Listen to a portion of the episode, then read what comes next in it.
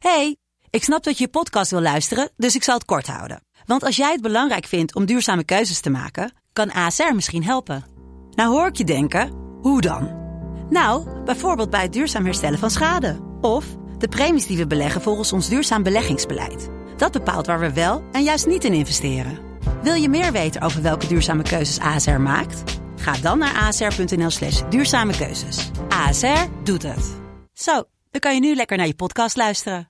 Hey, ik snap dat je je podcast wil luisteren, dus ik zal het kort houden. Want als jij het belangrijk vindt om duurzame keuzes te maken, kan ASR misschien helpen. Nou hoor ik je denken, hoe dan? Nou, bijvoorbeeld bij het duurzaam herstellen van schade. Of de premies die we beleggen volgens ons duurzaam beleggingsbeleid. Dat bepaalt waar we wel en juist niet in investeren. Wil je meer weten over welke duurzame keuzes ASR maakt? Ga dan naar asr.nl slash duurzame keuzes. ASR doet het. Zo, dan kan je nu lekker naar je podcast luisteren. Dit is een productie van De Stroom. Hey yo, what's up Wilde Haren, de podcast Peace, the revolution is already uh, going on. En uh, wat je kunt doen om de revolutie uh, nog een handje te helpen, is eventjes te gaan naar um, petje.af slash Wilde Haren. Daar kun je ons supporten met een kleine donatie. Doe dat vooral, daar zijn wij mee geholpen. Dat is petje.af slash Wilde Haren. Op datzelfde stukje internet territorium kun je ook onze shop vinden met daarin uh, merchandise. Um, verschillende artikelen die je kunt kopen waarop het Wilde Haren logo afgebeeld staat. En als je dat aanschaft, dan ook support je ons. Dus dat is petje.af slash Wilde Haren. Of check ons op de socials en support ons daar. Dat is ook hartstikke fijn. En dan nu gaan we luisteren naar aflevering 5 van seizoen 7. En vandaag hebben wij iemand in de podcast die van alles weet over um, gezondheid. In de breedste zin van het woord. Um, dat wil zeggen uh, lichamelijke gezondheid, mentale gezondheid. Maar ook vooral hoe je daar geraakt.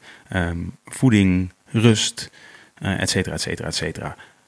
Spoiler alert. Je moet allerlei dingen doen om gezond te zijn.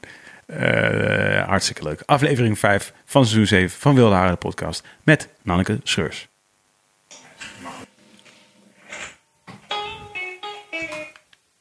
Nice. ik weet niet. Ik, kunnen, kunnen we even de intro tune a cappella doen? We zijn live. En de intro tune ga ik nu opnieuw opzetten. Sorry, eh, eh, vertel even, wat, wat, zeg, wat, is, wat zeg je nou? De... Je moet praten met ons, toch? Oké, ja, sorry. Ik was het ook ondertussen aan het fixen. De, we, gaan nu, uh, we gaan nu gewoon lekker beginnen. ja, nu heb ik je. Yes. En nu heb je ons eigenlijk. Uh -uh.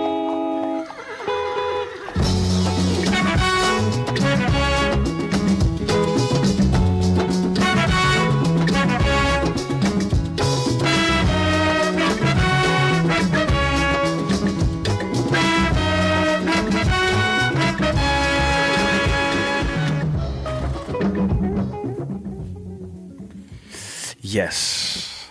Welkom, Dankjewel. Nanneke. Dank je. Um, ik heb dus, uh, ik, we hebben in de afgelopen weken, eigenlijk sinds de hele quarantaine, ben ik heel erg bezig geweest met van oké, okay, immuunsysteem. Want, dat, ja, ja. Want, want, want immuunsysteem natuurlijk. Ja. En ik vind het sowieso al wel interessant. En eigenlijk de afgelopen tijd hadden we het steeds weer meer over voeding. Ook hier merkte ik met mensen met wie we eigenlijk helemaal niet over voeding hoeven praten okay, per se. Grappig. En toen dacht ik ineens van, ik wil echt iemand hier hebben die nog weer even weer wat meer over kan vertellen over voeding. En over wat we nou eigenlijk aan het doen zijn en wat we zouden moeten doen en al dat soort dingen. En toen checkte ik Arie Boomsma. En toen zei ik, wie zou ik moeten checken? En toen zei hij, mm, misschien uh, Nanneke Schreurs. Ah, leuk, leuk van hem. Waarom, uh, waarom denk je dat hij jou uh, aanraadt? Ik denk omdat, nou ja, een tijdje geleden ben ik bij hem in een podcast geweest. Mhm. Mm -hmm. En uh, dat klikte eigenlijk heel erg. Het was zo'n leuk gesprek. Ik weet wel, voordat de opnames begonnen, toen waren we eigenlijk al een half uur helemaal in gesprek. En heel veel raakvlakken, dingen die hij interessant vindt en uh, waar ik meer over kon vertellen. Mhm. Mm -hmm. En uh, ja, heel veel dezelfde interesses, denk ik, over koude training, intermittent fasting. En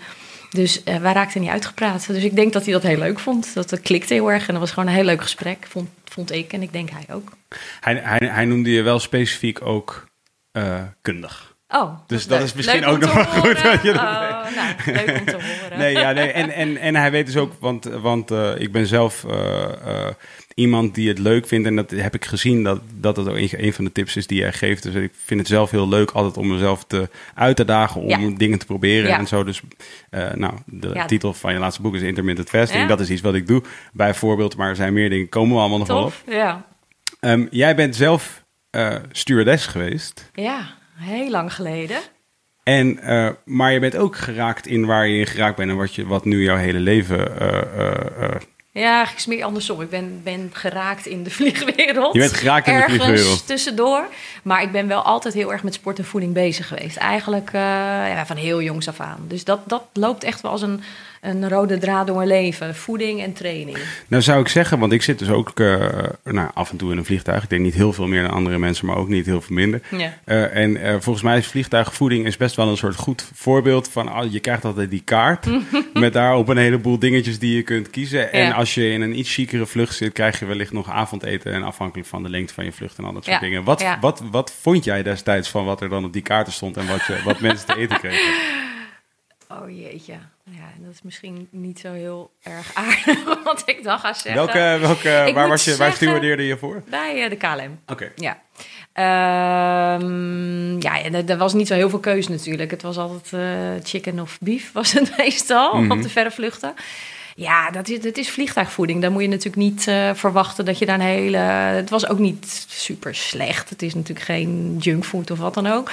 Maar ik denk als je voor een gezonde maaltijd gaat... dat moet je ook niet verwachten. Ik vind, vond het altijd al heel wat en heel luxe... dat je gewoon wat lekkers te eten krijgt. En eh, mm, ik heb daar niet zo naar, zo, met zo'n oog naar gekeken. Eigenlijk meer als ik op een bestemming was... van wat is dan lekker om te eten. Dat Oh vond ik ja. dan leuker. En?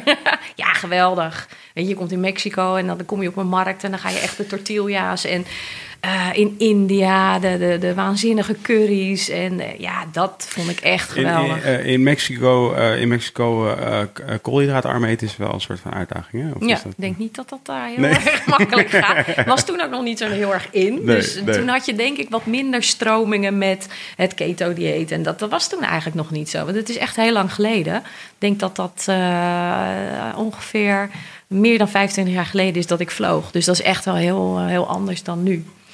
Ja, Ik heb vaak aan, aan het einde van, eh, van deze podcast, gek genoeg, heb ik heel vaak heel erg honger. ja. Heb ik zo als je meteen. over eten praat. Heb ik zo meteen. Nee, niet eens als ik over Oh. eten praat. Dus gewoon, maar ik heb, ik heb er zo mijn theorieën over. Misschien heeft het te maken met dus toch een bepaalde soort eh eh heightened senses of zo. En dat je een soort Ja. die spanning en dat ik dan dat Klopt. mijn coping mechanism Ja. eten is. Ja, ik klopt. Ik denk omdat je eh, dit presenteert, ben je alert. En Ja. voor mij ook hoor. Om, eh, want je bent alert, dus je wil... eh, Kun je de microfoon ietsje dichterbij? ja, je bent Thanks. alert. Ja. En ehm, dan ga je natuurlijk adrenaline aanmaken, wat heel goed is. Wat ook zorgt dat je inderdaad eh, goed kan presteren en dat je scherp blijft. En dan ga je eerder naar suikerverbranding. Dus dat is wel heel logisch dat je dan inderdaad... Zin daarna- krijgt in M&M's. Ja, ja, in jouw geval misschien M&M's en misschien een ander in iets anders. Nee, ja. het maakt bij mij eigenlijk op dat moment niet zo heel erg veel uit. Oké, ik kan mag alles zijn. Ja, Maar het zal geen salade zijn, denk ik.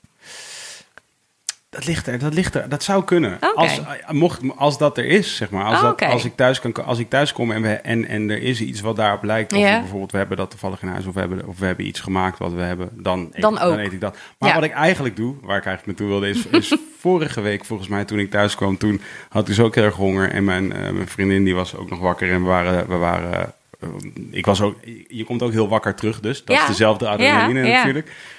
En dus ik heb het altijd nodig om daarna even en tegen haar een soort ah, Ja, ja, heel ja, veel te praten. En dan vervolgens even op de bank te zitten om, eh, om, om een soort weer dom te worden. Ja, even weer tot rust te komen. Ja, en toen Voor- ging ik dus eh, streetfood kijken. En daar zag ik, eh, dus, dus de, er zijn in Netflix natuurlijk eindeloos Ja, veel... maar daar krijg je echt heel erg honger van. Daar krijg honger van. Ja. En toen ging het specifiek een aflevering over Mexico.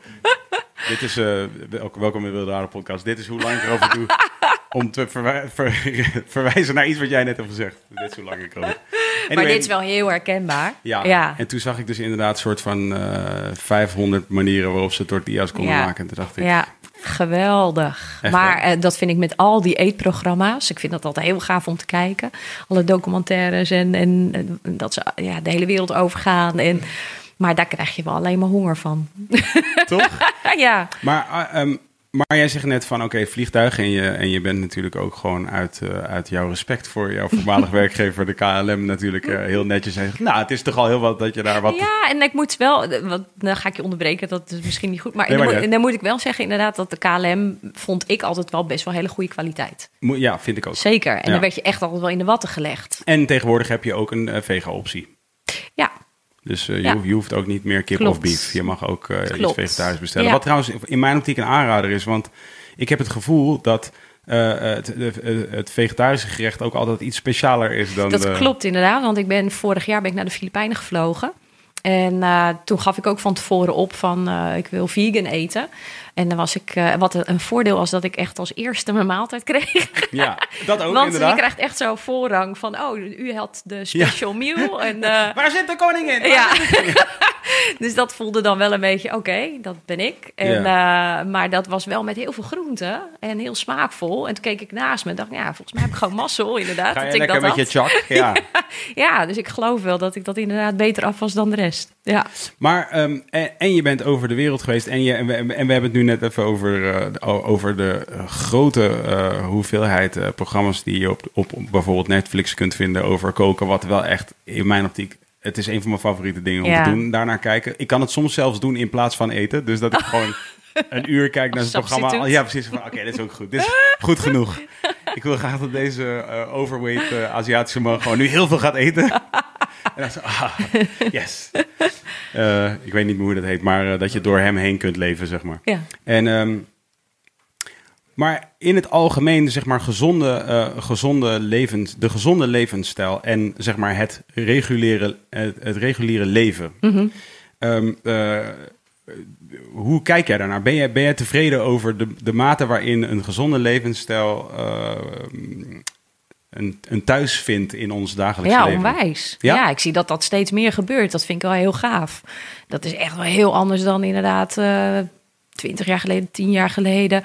Uh, ik, ik, weet wel dat ik op festivals was. En dat, nou, hoe lang is dat geleden? Dat, dat was misschien tien jaar geleden dat Ja. ik echt dacht, jeetje. Patat, pannenkoeken, ja, pizza. vreselijk. En dan had ik zoiets, ja. Ja, en ik vind een patatje ook heerlijk, eh, heus wel. Maar als je dan een paar dagen op een festival bent en je hebt alleen maar junkfood, ja, dan ga je ook niet lekkerder door voelen. En dan kon je nog ergens fruit krijgen. Dat was dan ook nog. En eh, en toen zei ik tegen mijn man, zei ik van, want wij zitten natuurlijk ook altijd. Ja, kijken we overal naar de voeding en het vinden we altijd heel interessant. Dat ik zei, ja, ik snap dat niet. Waarom is er nou niet iets gezonds wat je ook krijgt? En wel lekker, maar ook gezond. Ja, zegt hij, maar daar is geen vraag naar. We hebben daar echt een hele discussie over gehad. Dat ik zei, nee, het wordt niet aangeboden. Dus dat is, dat is het Ja. verschil. En nu zie je, als je nu op een festival komt, nou, dat is niet normaal. Dan kan je alles krijgen. Dat klopt, ja. Van gezond tot ongezond. En dat is ook leuk, dat je het allebei kan doen. Maar daar, daar, is, daar kan je geweldig eten. Met echt de lekkerste dingen. En, en ja, allerlei, eh, vanuit allerlei landen en, en noem maar op. Dus kan je helemaal je hart ophalen. Het is ook gewoon een- meteen een culinair uitje. Mhm. En ook als je in de stad komt, eh, de, al die saladebars en de afhaalmaaltijden. Maar kijk maar in de supermarkt. Dus nou ja, ik vind wel dat daar steeds meer eh, mee gebeurt. Dat vind ik wel heel leuk om te zien. Want jij bent al eh, heel lang actief in sport en voeding en dergelijke. Ja. Hoe, hoe was het, zeg maar... eh, hoe was het helemaal vroeger? Heel Dus- lang geleden, dank u. Nee, nee, nee. Nee, maar zeg maar, je bent al wel echt sinds de jaren 80, toch? Sinds eind jaren Ja. 80 ben je, ben je actief. Ja, ja absoluut. wat ja. zou jij zeggen dat het grote verschil is toen en nu? ja, meer keus nu. En, en natuurlijk ook wel de, de, ja, de denkbeelden over gezonde voeding. En nu is dat heel uiteenlopend. En het nadeel daarvan is dat niemand meer weet. Hè? Dat heel veel mensen zien de boom, door de boom het bos niet ja, meer. dat idee heb ik Van, ook. oh ja, is dit slecht, is dat slecht? En wa- wat kan ik dan wel eten? En, en die zegt dit en die zegt dat. En, en je hebt heel veel keus, dus dat wordt dan ook moeilijker.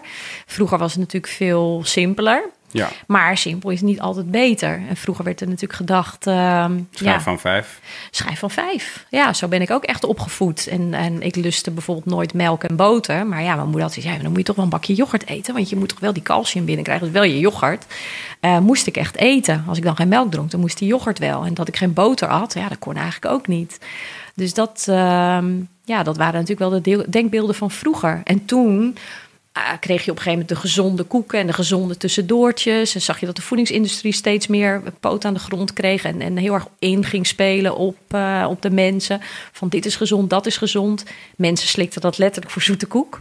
Ik ook. Ja, ook dat ik dacht, oh, gezond tussendoortje. Ja. En dan zo'n reep en Eh, gezond. Ja, echt. Ja. Ja. dat. Maar ja, ik, ik vind het ook leuk. Het is iets wat in ontwikkeling is. En het is ook niet iets wat stilstaat. En ik vind, je moet ook altijd openstaan voor nieuwe denkbeelden. Het is nooit, oké, dit is nu, dit is het. Want dat zie je natuurlijk wel heel veel gebeuren. Dat mensen denken, oh, ik eet nu keto of ik doe intermittent fasting. Of, eh, en dat is het dan. Ja. En, en, en zo moet het. Ja. En niet anders. Nu ben ik de rest van mijn leven eh, Ja. Superman. Ja, maar we weten nog maar zo weinig over hoe het lichaam werkt en over wat voeding doet. En ja, dat, dat vera- bij mij verandert dat ook continu. En ik denk dat dat ook het leuke is, dat je daarin meegroeit. Ja. En dat dat ook weer per fase weer verandert. En ook wat jij nodig hebt. Dus het is ook per persoon verschillend. Ja. Het is nooit zwart of wit. Nee. Dit is goed of dit is slecht. Dat vragen mensen ook wel eens aan mij. Kun je dan één voedingsmiddel Eh, Ja, ja. noemen wat Twee dan A4'tjes. echt... Op, eh, ene A4'tje wat ik niet mag en de andere A4'tje wat Ja, dat willen, mag. dat willen ze graag. Ja. Dat, dat, dat zouden heel veel mensen het liefst willen. Dat je zegt, dat is goed en dat is slecht. Maar zo werkt het niet. En eh elke keer een presentatie geven aan een hele grote groep diverse mensen. Ehm, en ja, er was één oudere man in het gezelschap en, en die ging echt staan. En die ging aan mij vragen, maar ik eet altijd... Ik weet niet wat het was, was een soort nootjes of pitjes. Ik eet elke dag 20 boterham. Ja, nee, dat, ik weet niet, het waren pompoenpitten. Zoiets Ja. was het, of pistarsnootjes. Dat eet ik elke dag. Is dat goed? Ja, daar kan, daar kan ik niks mee met die vraag. ik denk, ja, dan heb je even. ja, ja, ja. Dat, daar heb je niet een ja of een nee op. Heb je niet een jaar, een jaar op elke dag pistasnootjes prima, toch? Nou ja, daar kan je een heel uitgebreid antwoord op geven. Ja. Dus dat vind ik... eh, heb je ja, notenallergie is niet zo handig. Ja, klopt. Nou, Nou ja, toevallig, daar, gaan, daar kunnen we zo meteen even naartoe. Want ik, ik heb hele specifieke eh, vragen over mijzelf. En Oh, in, in, ja. in combinatie met een, eh, met name een vegetarisch of veganistisch dieet inderdaad is wel, Oké, leuk. Maar daar komen zo meteen Ja, op. leuk. Ja. Maar ehm, de bomen, de, door de bomen het bos niet meer zien. Dat is wel een beetje waar we, waar we zijn. In En je- balans zijn, en, ja. En je zei van, eh, ehm, eh, ja, zo makkelijk is het niet. Maar eh, hoe makkelijk is het dan wel? Wat, wat zou jij zeggen, eh, ehm, ja, waar start je? Hoe is dat voor jezelf eigenlijk begonnen? Van, hoe, hoe ben jij begonnen geïnteresseerd te raken in... Ja, nou, ik ben echt al vanaf mijn zestiende eigenlijk... ik heb altijd heel veel gesport. En op mijn zestiende ben ik begonnen met groepslessen geven op sportschool. Dus dat heb ik heel veel gedaan. Dus op een gegeven moment gaf ik echt 20 uur les in de week. Ik heb ook altijd, ook vanaf mijn zestiende, in de horeca gewerkt. En dat, dat heb ik ook, ja, de rest van mijn leven altijd ben ik dat blijven doen. En ook het lesgeven. En tussendoor heb ik nog een studie gedaan en gevlogen, dat soort dingen. Maar dat, die voeding en dat sporten, dat kwam eigenlijk altijd terug. En op een gegeven moment dacht ik wel, ja, hoe kan ik dan me nog fitter voelen als ik dan met die voeding dat meer ga fine-tunen eigenlijk. En je start ergens waarvan je denkt, ja, zo ben ik opgevoed. Of zo wordt altijd gezegd, dat moet je, ja, de, de bruine boterham, een bakje yoghurt, wel fruit en groenten. Nou, de schijf van vijf inderdaad, de gezonde tussendoortjes. En alleen, ik merkte op een gegeven moment van, hé, hey, nou, ik voel me helemaal niet zo fit meer. En in het begin denk en ik had ook altijd honger. Ik had altijd honger. En ik had ook altijd eten bij me. En ik dacht dat dat normaal was. Want ik denk, ja, ik sport heel veel. Ja. Dus logisch, zal Ja. wel normaal zijn. Smiddags had ik altijd een dip. Dacht ik, ja, ik heb vanmorgen een paar uur les gegeven. Ja. Op een gegeven moment word je wat ouder. Dus dacht ik, ja, het wordt misschien wat zwaarder. En, maar goed, dan ga je er wat meer in verdiepen. En ik dacht, nou, dan wil ik daar wel wat meer opleidingen echt ook in volgen. En dan gaat er echt. Toen had ik echt het gevoel alsof ik in een bibliotheek stond en pas één bladzij had gelezen. Dat. Dat gevoel van ik weet nog maar zo weinig. Ik dacht dat ik het wist. Maar hoe meer je leert, hoe meer je bewust bent van hoe weinig je weet eigenlijk. En nu heb ik ook zoiets. ehm, ja, je moet, mensen vragen ook wel eens met dingen aan mij: werkt dit of werkt dat? Gaat voor jezelf ervaren. Want dat is natuurlijk voor iedereen verschillend. Ja. Maar zo is het wel bij mij begonnen, gewoon echt vanuit interesse van ja, hoe kan ik dan ehm, ja, meer rendement halen uit mijn trainingen en hoe kan ik me beter en gezonder voelen. En, ja, en dan duik je erin en toen was er geen weg meer terug eigenlijk. En dat beter en gezonder voelen, waar, waarin uitte zich dat? Energie. Dat was echt als ik smiddags, eh wat ik zei, dan had ik geluncht en had ik zo'n dip dat alles zwaar was, dat ik moe was. Ehm, dat vooral. Ja. En waar kwam je toen voor jezelf achter waar dat aan lag? Dat ik eigenlijk een beetje insulineresistent aan het worden was. Ja. En dat is een beetje. Dat is een veel voorkomend probleem, toch? Ja, dat zie, dat zie ik bij heel veel mensen, ook bij mij eh, in de praktijk gebeuren. Ja. Wat er bij mij gebeurde, was dat ik inderdaad die bruine boterhammen at. En ik had veel pasta, want ik Ja. sportte veel. De gezonde... Weet je, let je op, Twan? We hebben nu, nu eh, zijn we bij jouw onderwerp aan. Ik ben helemaal... Oh, jee. Sorry, running gag, sorry. We- We komen zo meteen nog. Nou ja, inderdaad, die ontbijtkoek. En, Ja. en, maar ja, dan heb je elke keer iets waar veel koolhydraten en veel suiker in zit. Dus elke keer gaat die bloedsuikerspiegel omhoog. Ja. Wist ik toen niet dat dat het was. En dan heb je ook elke keer weer zo'n dip. Ja. En, en toen ik dat leerde, dacht ik, ja, hé, hey, dat heb ik. Ja. Ja. wat het grote gevaar is tijdens zo'n dip, is waar mensen hangry worden, waar je grijpt naar de... Onwijs. Toch onwijs. dus de niet verstandige keuzes voor, voor Ja, voeding. En ja. en dan op die manier hou je het in stand. Ja. En, eh, en wordt het ook nooit meer echt beter. En is het heel moeilijk om te klimmen uit zo'n dal eigenlijk. ja want nou ja, dan, als ik dan ergens was en dan had ik zo'n dip. En dat komt bij mij echt, dat ik ging zweten en trillen. En, en dat, ik, dat je echt bijna het gevoel hebt van ik ga tegen de vlakte. Van ik moet nu wat eten. En nou ja, dan ga je dus iets ook met, met suiker eten of met koolhydraten. Dus niet die gezonde salade. Daarom Nee. vroeg ik dat aan jou. Want je wil echt op dat moment suiker, want je lichaam Ja. vraagt daarom. En nogmaals, ik dacht, nou dat is normaal. En dat is ook iets wat, wat bij mij hoort. Want ik zag ook wel dat niet iedereen dat had. Maar dat dat iets was voor mij. En dat ik dus dan altijd dat eten bij me had. En dan leer je dus op een gegeven moment van... hé, hey, oh, maar dat is dus eigenlijk een stukje insulineresistentie. En Ja. toen ben ik heel dingen aan gaan passen, heel rustig. En dan merk je dus, hé, hey, nu voelt het heel anders. En ja, dan weet je dus, als mensen het ook aan mij vragen... maar hoe weet ik of het werkt? Nou, ga het doen. Ja, Mag ik, mag ik gewoon even ga jij even, Twan. vragen van... Wat, wat, kan je dit in het kort uitleggen? Gewoon insulineresistentie. Ja. Wat, wanneer, wat, wat gebeurt er? Wat bedoel je hier precies mee? Insulineresistentie, jou, eh, als jij iets eet waar veel koolhydraten in zit... dan ehm, gaan die, die suikers gaan je bloedstroom in... En die worden naar alle cellen gebracht. Insuline is een hormoon, dat is eigenlijk een soort begeleider van die suikermoleculen eh, naar alle cellen toe. Maar als jij de hele tijd heel veel suikers eet, zijn al jouw cellen op een gegeven moment wel gevuld met suiker. Nu heel simpel uitgelegd. Ja, en ja. dan heb je nog een voorraadje in je eh, lever en in je spieren. Dat is je glycogeenvoorraad. Maar die zit op een gegeven moment ook vol. Ja. En die is daar eigenlijk voor bedoeld. Als jij een sprintje moet trekken, dat je altijd nog wat suikers hebt om nog te kunnen pieken. En als jij bijvoorbeeld een eh, wielrenner bent die Tour de France eh, fietst, die maakt al die suikers wel op. Maar wij doen dat niet. Dus als jij wel elke keer die suikers blijft nemen, zit op een gegeven moment al die voorraden vol. En al jouw cellen die eh, gaan eigenlijk op een gegeven moment een beetje minder gevoelig worden voor die insuline. Dat is insulineresistentie. Omdat ze denken van ja, we hebben genoeg en er komt weer meer en er komt weer meer. Ik vergelijk het altijd met, eh, je hebt een kamer vol met mensen. En er kan niemand meer bij. En elke keer wordt er aan de deur geklopt. En op een gegeven moment doe je eerst in het begin doe je nog wel open. Maar op een gegeven moment denk je, ja, er staat weer iemand aan de deur. Ik, la, ik hoor het Ik ben niet thuis. Dan word je doof ervoor. En dat, is- Ja, ja. dat gebeurt met je cellen. Oké, dat, dat check. is in het kort uitgelegd. Dus dan, als je dat te veel binnenkrijgt, dan, dan zeg je, dan krijg je die crashes ervan. Ja, Hoe gebeurt dat dan? omdat je bloedsuikerspiegel omhoog gaat. En daarna gaat hij weer heel erg naar beneden. En jouw lichaam wil eigenlijk alles weer doen. Die wil altijd in homeostase komen. Dus die wil zo snel mogelijk weer terug naar omhoog. Ja, oké. Ja. En de uitdaging is eigenlijk om het zo stabiel mogelijk te krijgen. Toch? Ja. Je bloedsuikerspiegel is dat. Ja. Wat het, Ja. en, eh, en dan heb je daar weer een verschil tussen eh, eh, lange en lange koolhydraten en Ja, langzaam opneembaar. langzame koolhydraten Klopt, en ja. klopt. die wel een sleutelrol kunnen spelen in het Ja. herstellen van die Ja. bloedsuikerspiegel. Ja, het is bijvoorbeeld echt een verschil als jij fruit eet... of je gaat, neemt een fruitsapje. Ja. Dat vind ik altijd wel een mooi voorbeeld... Ja. want die gaat veel makkelijker die bloedstroom in. Ja. Dus als, jij, als je er sap van maakt of soep... Of, eh, maar ook als jij bijvoorbeeld iets al dente kookt... of helemaal eh, doorkookt, dat, dat maakt ook al verschil. Ja. Maar ook waar je iets mee eet. Dus als jij veel eiwit en veel eh, vetten toevoegt... bijvoorbeeld een cracker, nou, er zit veel koolhydraten in... dat is een stijging van je bloedsuikerspiegel.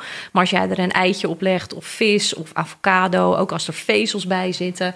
eh, maar ook dus gezonde eiwitten en vetten... dan blijft hij ook meer stabiel. Dus dat zijn ook dingen die je kan doen met je voeding. En dit is op zich natuurlijk wel een, denk ik, een openbaring voor heel veel mensen wat je nu hier zegt. Omdat, eh, en dan komen we dus zo meteen bij het, eh, bij het inmiddels uh, roemruchte broodje van Ja, ik word van steeds Twan. benieuwder. Eh, nee, is dat, is dat, we hadden het er net even al over voordat we begonnen. Ik, ve- veel mensen waarvan ik ook denk dat die een beetje de, de luisteraars zijn van deze podcast, ehm, eh, zijn denk ik weten inmiddels, ze hebben de klok horen luiden, maar Ja. weten nog niet waar de klepel hangt. In Ja. die zin dat eh, ze horen over gezonde dingen hè, en, en die worden nu ook in, op grote schaal aangeboden. Hummus eh, Ja, en, allerlei producten op basis van eh kikkererwten of op basis van allerlei dingen waarvan je denkt, nou, dat is gezond. Dat komt uit de natuur.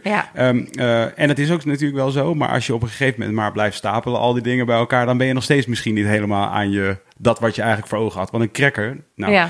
Als ik me iets kan herinneren van mijn moeder vroeger, als zij zei: Ik ben aan het lijnen. Maar dan, en dan werden er.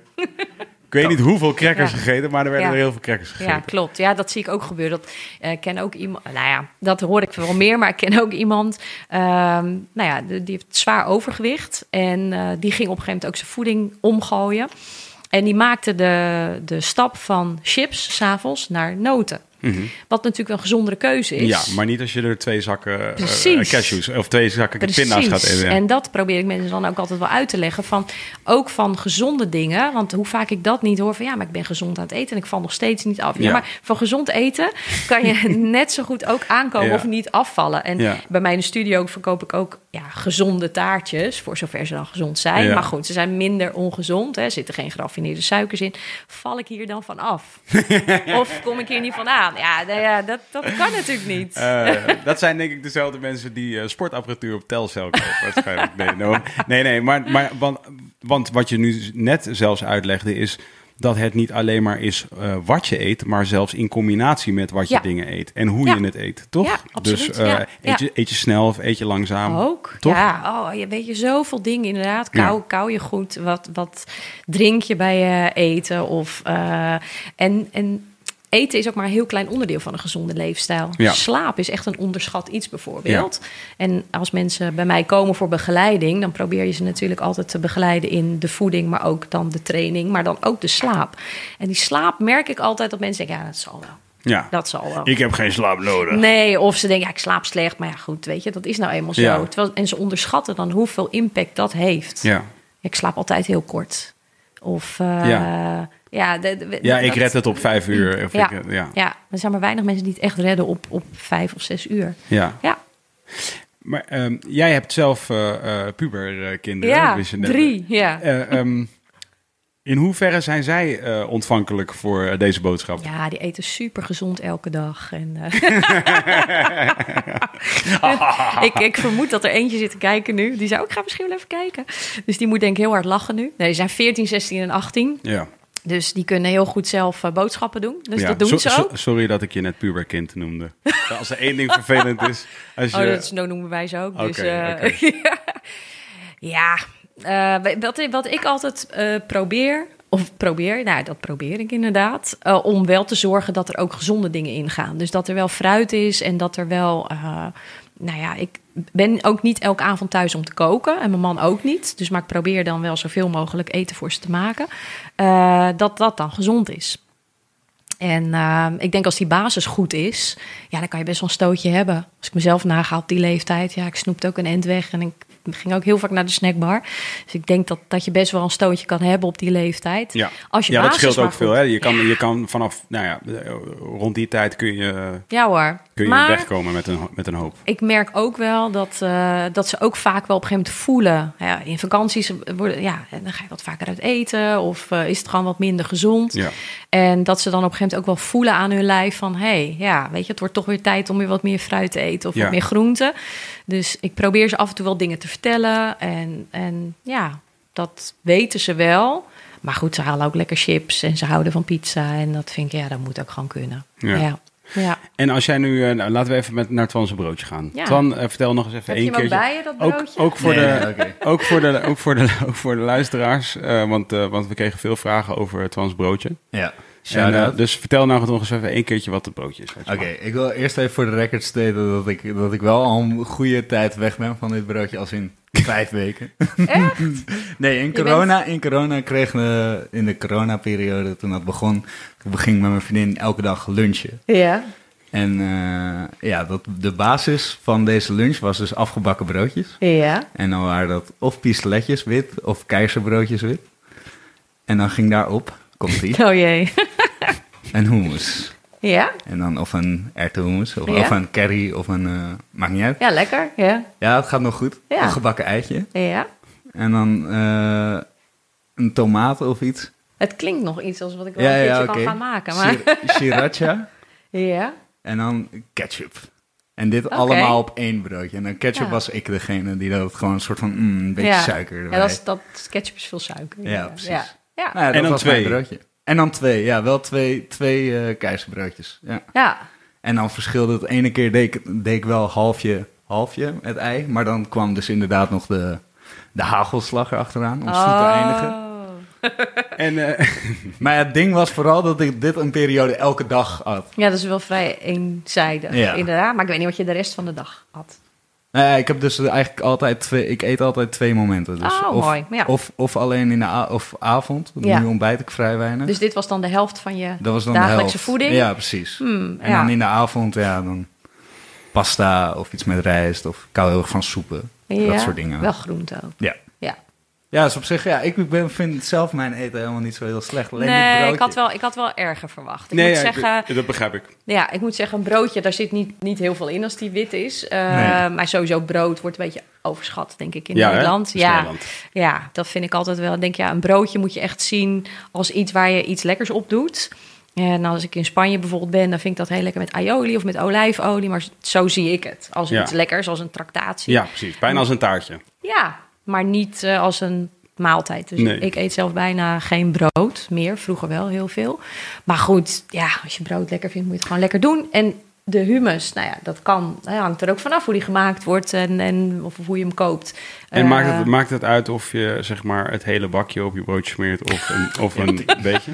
Ik vraag het voor Nou ja, een vriend zie- van me, die, ik de- zie- die hier is. Ik zie jouw vriend, maar die kan, kan het wel hebben, volgens mij, dat hele bakje. Dus wat dat betreft Ah, is er ook Ah, niet zoveel aan de hand. nou, I've been working out, thanks for boterham. Ja. Ja, het eitje klonk ook niet slecht. De tomaat ook niet. Alleen ja, die ketchup, dat was natuurlijk wel Ja, een ja, die beetje... kilde hem, eh, hè? ja. Maar ja, nee, dat, ik ken wel Maar wat, ergere dingen. wat, ja, ik weet niet of ik nu deze hele podcast zo mag Nee hoor, praten. vertel het dan. Gaat, Maar gaat uiteindelijk over jou allemaal. dit, is waar, dit is waar ik dan ik, ik ben echt blij dat dit mocht ook. Ja, ja. Dat we deze vraag- Dit wordt gewoon Dit een wordt- voedingsconsult twaalf. mocht- Dit wordt ook niet opgenomen, want dit is gewoon een inter- interventie. Ah, thanks. Nee, wat, kijk, wat, wat eigenlijk mijn vraag heel erg in de podcast was van... Hoe, hoe, verdeel je, hoe verdeel je je eten? Een soort van, je hebt, dan hebben we het net wel even snel doorgenomen voor de podcast. Je hebt, je hebt proteïne, je hebt Ja. koolhydraten, je hebt vitamine. Ja, je hebt natuurlijk... Kijk, als je naar de macronutriënten kijkt... dan heb je koolhydraten, eiwitten, vetten. Ja? Dan heb je nog micronutriënten, dat zijn al je vitamines, mineralen. Ik vind altijd dat de basis van je voeding moet, als om het heel simpel te zeggen, je basis van de voeding moet echt bestaan uit heel veel verschillende groenten. En niet alleen soorten, maar ook heel veel kleuren. Omdat elke kleur, ook van fruit trouwens, ehm, elke kleur heeft weer een andere functie. Dus als jij denkt van nou, ik eet fruit en ik eet elke dag een banaan of ik eet elke dag een appel, ja, dan mis je best wel wat. Want dan is het belangrijk om ook eh, de blauwe bessen te nemen en de bramen en een, een keer een mango. Nou, ik noem maar wat. Echt al die kleurtjes. En als je naar groente kijkt, elke soort groente, want we denken altijd groente is groente, maar elke soort groente heeft ook weer andere functies in jouw lichaam. Dus je hebt bijvoorbeeld de groene bladgroenten, die werken heel goed voor ontgifting. Er zit chlorofiel in en die geven ook heel veel energie. Maar je hebt bijvoorbeeld de kruisbloemige groenten, dat is broccoli, bloemkool, radijs. Die werken weer heel goed voor je lever. Nou ja, zo kan ik nog een tijdje doorgaan. Dus dan, ik denk dat dat de basis moet zijn. Heel veel verschillende soorten en kleuren. Eiwit is belangrijk, want eiwit heb je natuurlijk nodig voor je spieren, je botten, dus een, een bouwstof van je hormonen. En elf, sorry, dat, dat haal je uit. Nou, dat hangt er van en- af. Ja, als jij, als jij ehm, ehm, vis en vlees en eieren eet, dan haal je het ehm, daar voornamelijk Ja. uit. En eh, plantaardige bronnen, die bevatten ook eiwit. Als je volledig plantaardig eet, dan moet je altijd kijken, dan moet je wel naar combinaties kijken. Als je alleen maar groenten zou eten, dan krijg je op een gegeven moment wel een eiwittekort. Je krijgt niet zo heel snel een tekort aan eiwit, maar eh, alleen maar bijvoorbeeld groene bladgroenten en, en broccoli, noem maar wat, dan krijg je een tekort. Dus je hebt eh, bijvoorbeeld peulvruchten, noten, granen. En als jij volledig plantaardig eet, dan moet je altijd wel uit die drie bronnen ook eten. Ja. Omdat, en daar ga ik er wel heel diep op in. Ik weet Ja, niet dat is helemaal goed. kan. Ik vind Ja. het op zich heel duidelijk nog, Uh, hoor. nou, als je kijkt naar een, een eiwit, als jij iets eet waar eiwit in zit, dan gaat je lichaam dat afbreken naar aminozuren. En jouw lichaam heeft een behoefte aan aminozuren. Niet aan eiwit, maar eigenlijk aan aminozuren. En een eiwit vergelijk ik altijd met een kralenketting, met verschillende kleuren kralen. Dat zijn allemaal aminozuren. En jouw lichaam moet al die aminozuren hebben om er iets mee te kunnen. Dus om daarmee te kunnen bouwen. En uh, dierlijke eiwitten bevatten van al die aminozuren voldoende. Want dat lijkt het meest op een lichaams-eigen eiwit. Plantaardige bronnen hebben altijd net van één aminozuur wat minder. Dus bijvoorbeeld peulvruchten bevat lysine.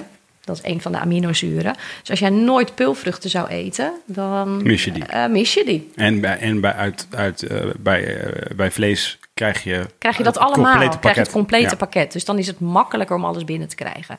Dus met plantaardig kun je het ook heel makkelijk binnenkrijgen. Alleen, ja, daar moet je wel bewust van zijn dat je dus wel ook wat granen eet, eh, peulvruchten. Ehm, en dat, dat is denk ik wel iets wat mensen nog niet zo goed weten. Dus dat, eh, daar valt wel winst te behalen. Ja. Ja. Wat is orthomoleculaire therapie? Die vraag krijg ik altijd. Oh, gelukkig. Ja, het is sowieso al echt een rot woord. Orthomoleculair. Ja, ik vind Nou dat jij, ja, eh, het gaat jou heel goed af. Ja, ik heb daar ervaring met woorden zeggen. Oh, Ehm, ja, ja. Maar, eh, Oh, ja. en eh, nou, je achternaam Schreurs is, is, ook, is ook best een ingewikkelde. Ja? Ja, vind ik wel. Sch- sch- ja, toch? Mijn meisjesnaam is Sluimer. Is het makkelijker? Nee. Ja, dat is makkelijker, ja. Wel vet dat trouwens. Ik heb om de een of andere reden hebben die namen met elkaar te maken in mijn hoofd. hey, Schruimers, sluimerschreurs? Ja, zie je, zag je wat je deed? Schruimerscheurs. ja, dat is precies wat ik zat te De doen. hele middag oefend. Schreurs. ja, Ehm ortomoleculair. orthomoleculaire therapie, ja. Ja, nou eigenlijk wat ortomoleculair wil zeggen is dat je gaat kijken naar het hele systeem van iemand. Dus je gaat, om het heel simpel te zeggen, iemand heeft hoofdpijn. Eh, dit is ook echt eh, bijvoorbeeld iets wat in mijn praktijk gebeurt. Iemand heeft ontzettende hoofdpijn. Als je regulier gaat kijken, regulier in de geneeskunde in het ziekenhuis. eh, die mevrouw werd, ehm, die, nou ja, die, die ging naar het ziekenhuis en er werd een, een, een foto gemaakt van haar hoofd, want hoofdpijn. ja. En toen kwam ze bij mij en toen ben ik inderdaad gaan kijken naar de voedingspatroon. En toen bleek dus dat ze heel erg insulineresistent was. Zij at geloof ik wel tien keer op een dag. Ja. Elke keer weer iets. En dat kan dus ook heel erg hoofdpijn veroorzaken. Ja. Dus daar ben ik eerst met haar dat aan gaan pakken. Nou, je gaat gewoon kijken welke oorzaak, welke systemen lopen er in het lichaam. En dan ga je kijken naar darmen, maar je gaat kijken naar het voedingspatroon. Dus het kunnen heel veel verschillende dingen zijn. Bij haar was het dan inderdaad de insulineresistentie. Dus je gaat gewoon kijken naar systemen in het lichaam. Van hoe loopt dat? En hoe kan ik dat optimaal laten verlopen? En waar zit de verstoring erin? Dat is eigenlijk simpel uitgelegd. doet, ja. ja. ja. Dat, dat, want nu, nu noem je eigenlijk weer de, de, de ins- insulineresistentie Ja. als, als een oorzaak van dan deze specifieke daar. Maar in- maar voor mijn gevoel, eh, en dat is dus als ik, als ik kijk, wij hebben hier eerder hadden we een, eh, ook een andere vriend van mij die ook in de muziek actief is, die ook heel erg last had van hoofdpijnen in- destijds. Dronk iets van tien blikjes Red Bull op één Oh, dag. Eh, haalde dat min of meer uit zijn Oh. dieet en verving het voor eh, water. Water, en, eh, ja. en was Ook van zijn je raadt het af. niet, maar geen hoofdpijn Nou. Ja, Ja, maar, ehm, het is soms heel simpel. ja, maar ik had Ja. het er met hem ook over. ehm, eh, en we hebben het er hier meer over gehad in de podcast. Ehm, voor mijn gevoel, en nu helemaal heb ik dat gevoel met... nu, nu dat er aan de hand is wat er aan de hand is... gaat het zo relatief weinig eh, daarover. Ja, Terwijl het dus bijvoorbeeld in de, in, in, in de groep jonge mensen... en met jonge mensen reken ik 30 min, zeg maar... Mhm. Ehm, eh, zijn er veelal problemen zoals die problemen. eh, hoofdpijnen of, of overgewicht of concentratieproblemen. Ja. Of dingen waarvan ik eigenlijk altijd het gevoel heb van... wordt er gekeken naar de voeding en wordt er gekeken naar inderdaad slaap en Ja. lichaamsbeweging bijvoorbeeld. Ehm, eh, jij bent deskundig, dus als, jij, dus als er iemand bij jou komt... dan is dat iets waar je naar gaat kijken, dan neem ik aan. Ja. Ehm, maar in een groter plaatje, hoe, eh, want dat vroeg ik eigenlijk toen straks ook al. En je zei, ik ben wel positief over eh, hoe een gezonde leefstijl inmiddels wordt ja, gepusht, iets meer. ja, Eh, maar toch zijn, is de problematiek voor mijn gevoel niet afgenomen. ja. Nee, dat klopt. Er is wel meer keus en meer aanbod. En er is natuurlijk een bepaalde doelgroep die daar al mee bezig is. Ja. Ik denk ook wel dat de mensen die bij mij komen, zijn er vaak al ook wel. Ja, eh, anders kom je niet enigszins- binnenlopen waarschijnlijk. Ja. Nee, zijn er wel enigszins mee bezig. Dus dat scheelt ook. En ik zie inderdaad om me heen op straat. En ehm, ja, zie ik ook nog wel heel veel zieke mensen. Ja. Die nog ineens zelf weten dat ze ziek Ja, zijn. precies. En als je dan hoort dat iemand bepaalde klachten heeft of ziek is of dan naar een huisarts gaat, dat ik denk, ja, niet om alle huisartsen over één kam te scheren, Nee. maar Dan wordt er niet altijd gekeken naar leefstijl of hoe slaap je. Nou, neem maar een pilletje tegen de hoofdpijn. Of Ja. eh, als je niet kan slapen of als je depressief bent. Maar er wordt niet gekeken naar hoe leef je. Dus, Waar, waar ligt dit aan, denk jij? Waarom is dit zo? Ja, ik denk de leefomgeving. Ik denk dat we natuurlijk met z'n allen in een omgeving leven waarin eh, voedingsindustrie en geld een hele belangrijke rol speelt. Dus we worden natuurlijk allemaal om de tuin geleid in de supermarkten, door de reclames. Ja. Ehm, ik weet wel toen mijn dochter nog geen puberkind was, dat ze nog jonger was en dat ze tv zat te kijken. En toen werd er gezegd een sportdrankje. Oh, sport is Ja. gezond. Een sportdrankje is dus Ja, gezond. AA. Je kunt Ja. 10 AA'tjes vandaag drinken, wat een sport drinken. Ja, en dat klinkt dan natuurlijk heel simpel. Dan denk je, oh ja, maar dat is een kind. Maar zo is het wel hoe het voor heel veel mensen werkt. En zelfs ook nog volwassenen die ja, nog steeds wel denken dat bepaalde dingen gezond zijn. En ehm, die denken dat ze misschien gezond bezig zijn. Ja, dat vind ik bijvoorbeeld ook als je gaat kijken naar op de basisschool. Dat het bijna normaal is dat kinderen limonade drinken of fristie of appelsap. En dat er gewoon heel veel kinderen zijn, wat ik het dan ook hoor of zie, die geen water lusten. Ja, die is mooi hè? Die ken ik ook. Ja, Ja, dat vind ik echt, dat, nou, daar zak mijn broek van af. Dat vind, Ja, ik, vind ik bizar. Maar dat is wel ook iets wat bij die ouders vandaan komt. Ja. Want als jij natuurlijk bijna nooit water geeft... en je gaat die kinderen altijd eerst een zoet drankje geven...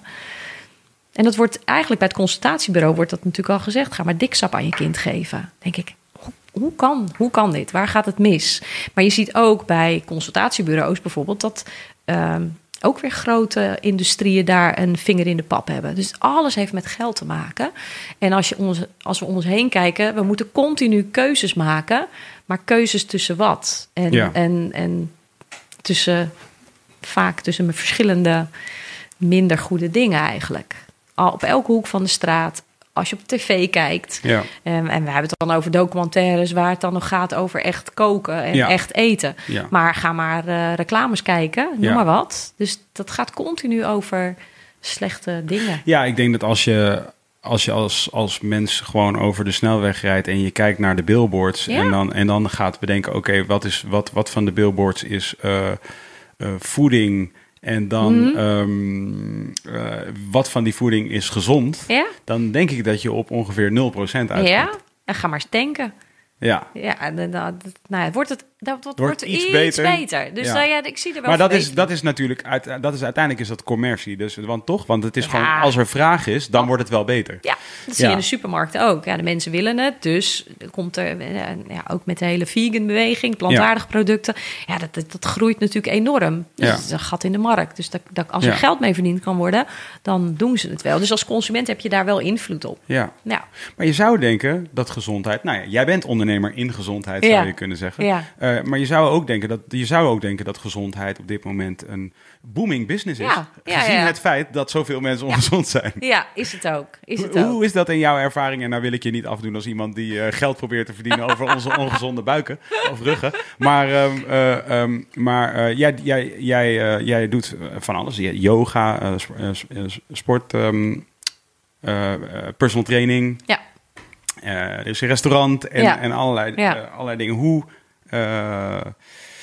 is die combinatie, hoe, heb, hoe ben je gekomen op de combinatie van al die dingen? Oh, dat is echt een, dat is een soort heel eh, natuurlijk iets geweest eigenlijk. Toen ik, ehm, nou ja, ik was altijd met voeding en met training bezig. Toen ben ik opleidingen gaan volgen.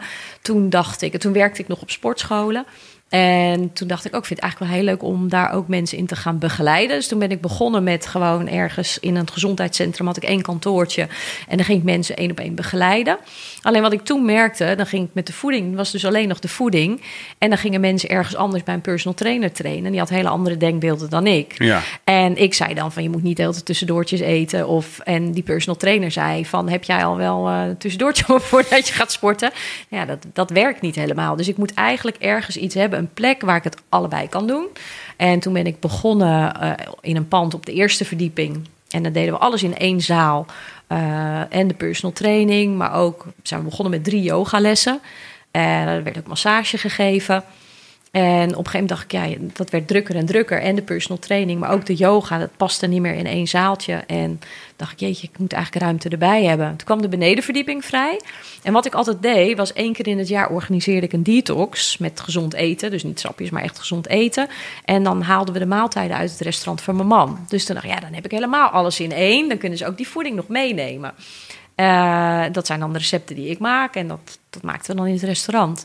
Dus toen we de benedenverdieping erbij kregen, toen hebben we ook een hele keuken erbij gebouwd. Dus mensen kunnen nu bij mij ook de maaltijden meenemen. Dus zo is dat gegroeid. Eigenlijk dat ja, van klein naar steeds groter. En um, als jij met mensen aan het werk gaat uh, en, en dus die, wellicht komt er één iemand via yoga binnen en iemand anders via uh, personal training binnen, kan ik mij voorstellen. Of, ja. of wellicht iemand komt uit een restaurant waarvan je, waar ja. je mee aan de praten raakt en denkt van, oh, maar ik kan wel.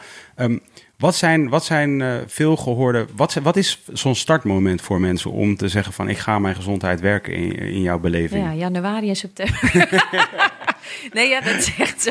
Nee, ja, dat is natuurlijk een beetje flauw, maar dat zijn ja. wel echt altijd de momenten. Ja. Maar mm, nou ja, nu ook, weet je, met de afgelopen periode dat ja. mensen meer thuis zaten. Dat was ook echt een moment waarop het daarna gewoon, dan barst het helemaal los. Dat mensen zeggen, ja, nu ben ik er klaar mee. En nu wil ik echt aan mijn gezondheid werken.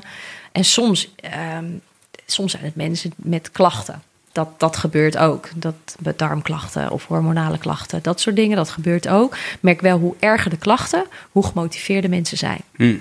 Dat is wel. Uh, en wat ik nu doe, ik begeleid eigenlijk ook alleen nog maar mensen um, als ze bijvoorbeeld uh, af willen vallen of ja. krachtiger willen worden. Alleen in combinatie ook met training. Want dat, dat is bij mij ook trainen. Want dat deed ik in het begin niet. Maar ik, ik moet wel uh, continu contact hebben met iemand. En men, mensen moeten gemotiveerd zijn. En ja. stok achter de deur hebben. Weten dat ze mij elke week zien. En dan werkt het. Ja, ah, kut. ja dat ja, werkt. Dus, dat werkt gewoon. Dus die keuze heb ik op een gegeven moment wel gemaakt. Want ik doe het alleen nog echt in een, in een heel traject met voeding en training. Ja. ja. Nee, want de reden dat ik het vraag, want ik, ik denk dat als, als mensen nu uh, uh, luisteren hiernaar, dat ze dan. Um, dat wat je toen straks eigenlijk ook zelf zei, van heel veel mensen weten niet dat ze ziek zijn. Dat klinkt ziek altijd heel eng. Ja, van, ja. oh, wat heb ik dan? Ja. Maar meer dat de ziekte kan, uh, nou ja, kan eigenlijk is het meer ongezond, toch? Want je bent misschien nog niet helemaal niet ultiem of nog niet eens in de buurt daarvan aan het functioneren. Ja, ik denk uh, heel veel mensen met darmklachten die Ja. dat bijna wel normaal gaan vinden. Nou ja, die insulineresistentie waar we het over hadden. Ja. Hormonale klachten zie ik heel veel. Wat zijn symptomen, zeg maar, als je dus nu luistert en er nog niet bij stil hebt gestaan, maar waar, hoe zou je kunnen zeggen van, nou ja, als jij, als jij zo en zo uh, dit soort uh, dingen ervaart, dan zou je wel eens kunnen gaan nadenken over eigenlijk alles wat je net hebt omschreven. Dus zowel voeding als beweging als, uh, als wellicht... Uh... Dat je niet optimaal gezond bent. Ja. Nou, ik denk uh, hoe je slaapt is denk ik um, van hoe word jij wakker? Word je uitgerust wakker? Uh, dat hoor ik heel vaak. Mensen zeggen, ja, ik word wakker en ik ben nog steeds moe. Mm -hmm. uh, of ik slaap heel slecht. Um, ja, hoe ga je naar het toilet? Hoe is je ontlasting? Dat vraag ik ook altijd als mensen bij me komen. Hoe is je ontlasting? Ja, uh, ja goed. Oké, okay, wat is goed? dus daar ga ik dan dieper op in. um, ja, en, en ook... Foto's, alsjeblieft. ja, ja. ja. ja. Ja, en, en um, ook wel voornamelijk dan wat ik dan van vrouwen hoor. Um, op een gegeven moment ook van mijn leeftijd, hormonale klachten. Dat hoeft niet zo te zijn. Tuurlijk zijn er uitzonderingen, maar het wordt nu vaak als het normaal gezien dat Ja. je dan allemaal klachten hebt. Maar dat is niet normaal. Nee, Dus want, dat- want mensen wijten het nu een beetje aan de wereld zoals die is. Van, Ja. ah, is logisch, ik kan niet slapen, want stress. Ja. Of, ik, Ja. of ik heb hoofdpijn, want werk. Of, uh, of ik uh, kan me niet concentreren, want kinderen. Of zoiets dergelijks. Ja, tuurlijk. Weet je, als jij jonge kinderen hebt en je slaapt slecht, is logisch. Ja, Ja. Als die jou wakker maken, dan is het logisch dat je, dat je niet goed slaapt. Um, maar als jij nog steeds na jaren heel slecht slaapt of niet uitgerust wakker wordt of um, te moe bent om bepaalde dingen te doen, ja, dat zou niet zo moeten zijn. En dus, dus iemand uh, komt, meldt zich dan bij jou. Uh, en uh, dan is dus onder andere een vraag die je stelt is slaap, Ja. stoelgang. En Ja. waar, waar ga je dan eigenlijk... en dan ga je be- beweging doen en je gaat dieet doen. Ja. Wat, wat zijn dan vragen die jij stelt om te kunnen achterhalen wat het is waar je mee aan de gang kunt? Ja, heel veel dingen. Hoe is je energielevel? Hoe sta je op? Hoe slaap je? Ik vraag altijd aan mensen: houd even een paar dagen bij wat je eet en wat je drinkt. Wanneer? Ja, dat soort dingen. Wat, wat de klachten zijn. Of als er geen klachten zijn, wat beter zou kunnen. Of ja. Um, en wat zie je dan, laat ik het zo zeggen, wat ik denk dat je vaak gaat zien gebeuren, en ik vraag me af of dat zo is, is dat mensen dus in een eerste eh, run eh, eh, die motivatie even weten te vinden en dat het daarna vaak weer inzakt. Hoe, Ja. hoe voorkom je dat dat gebeurt?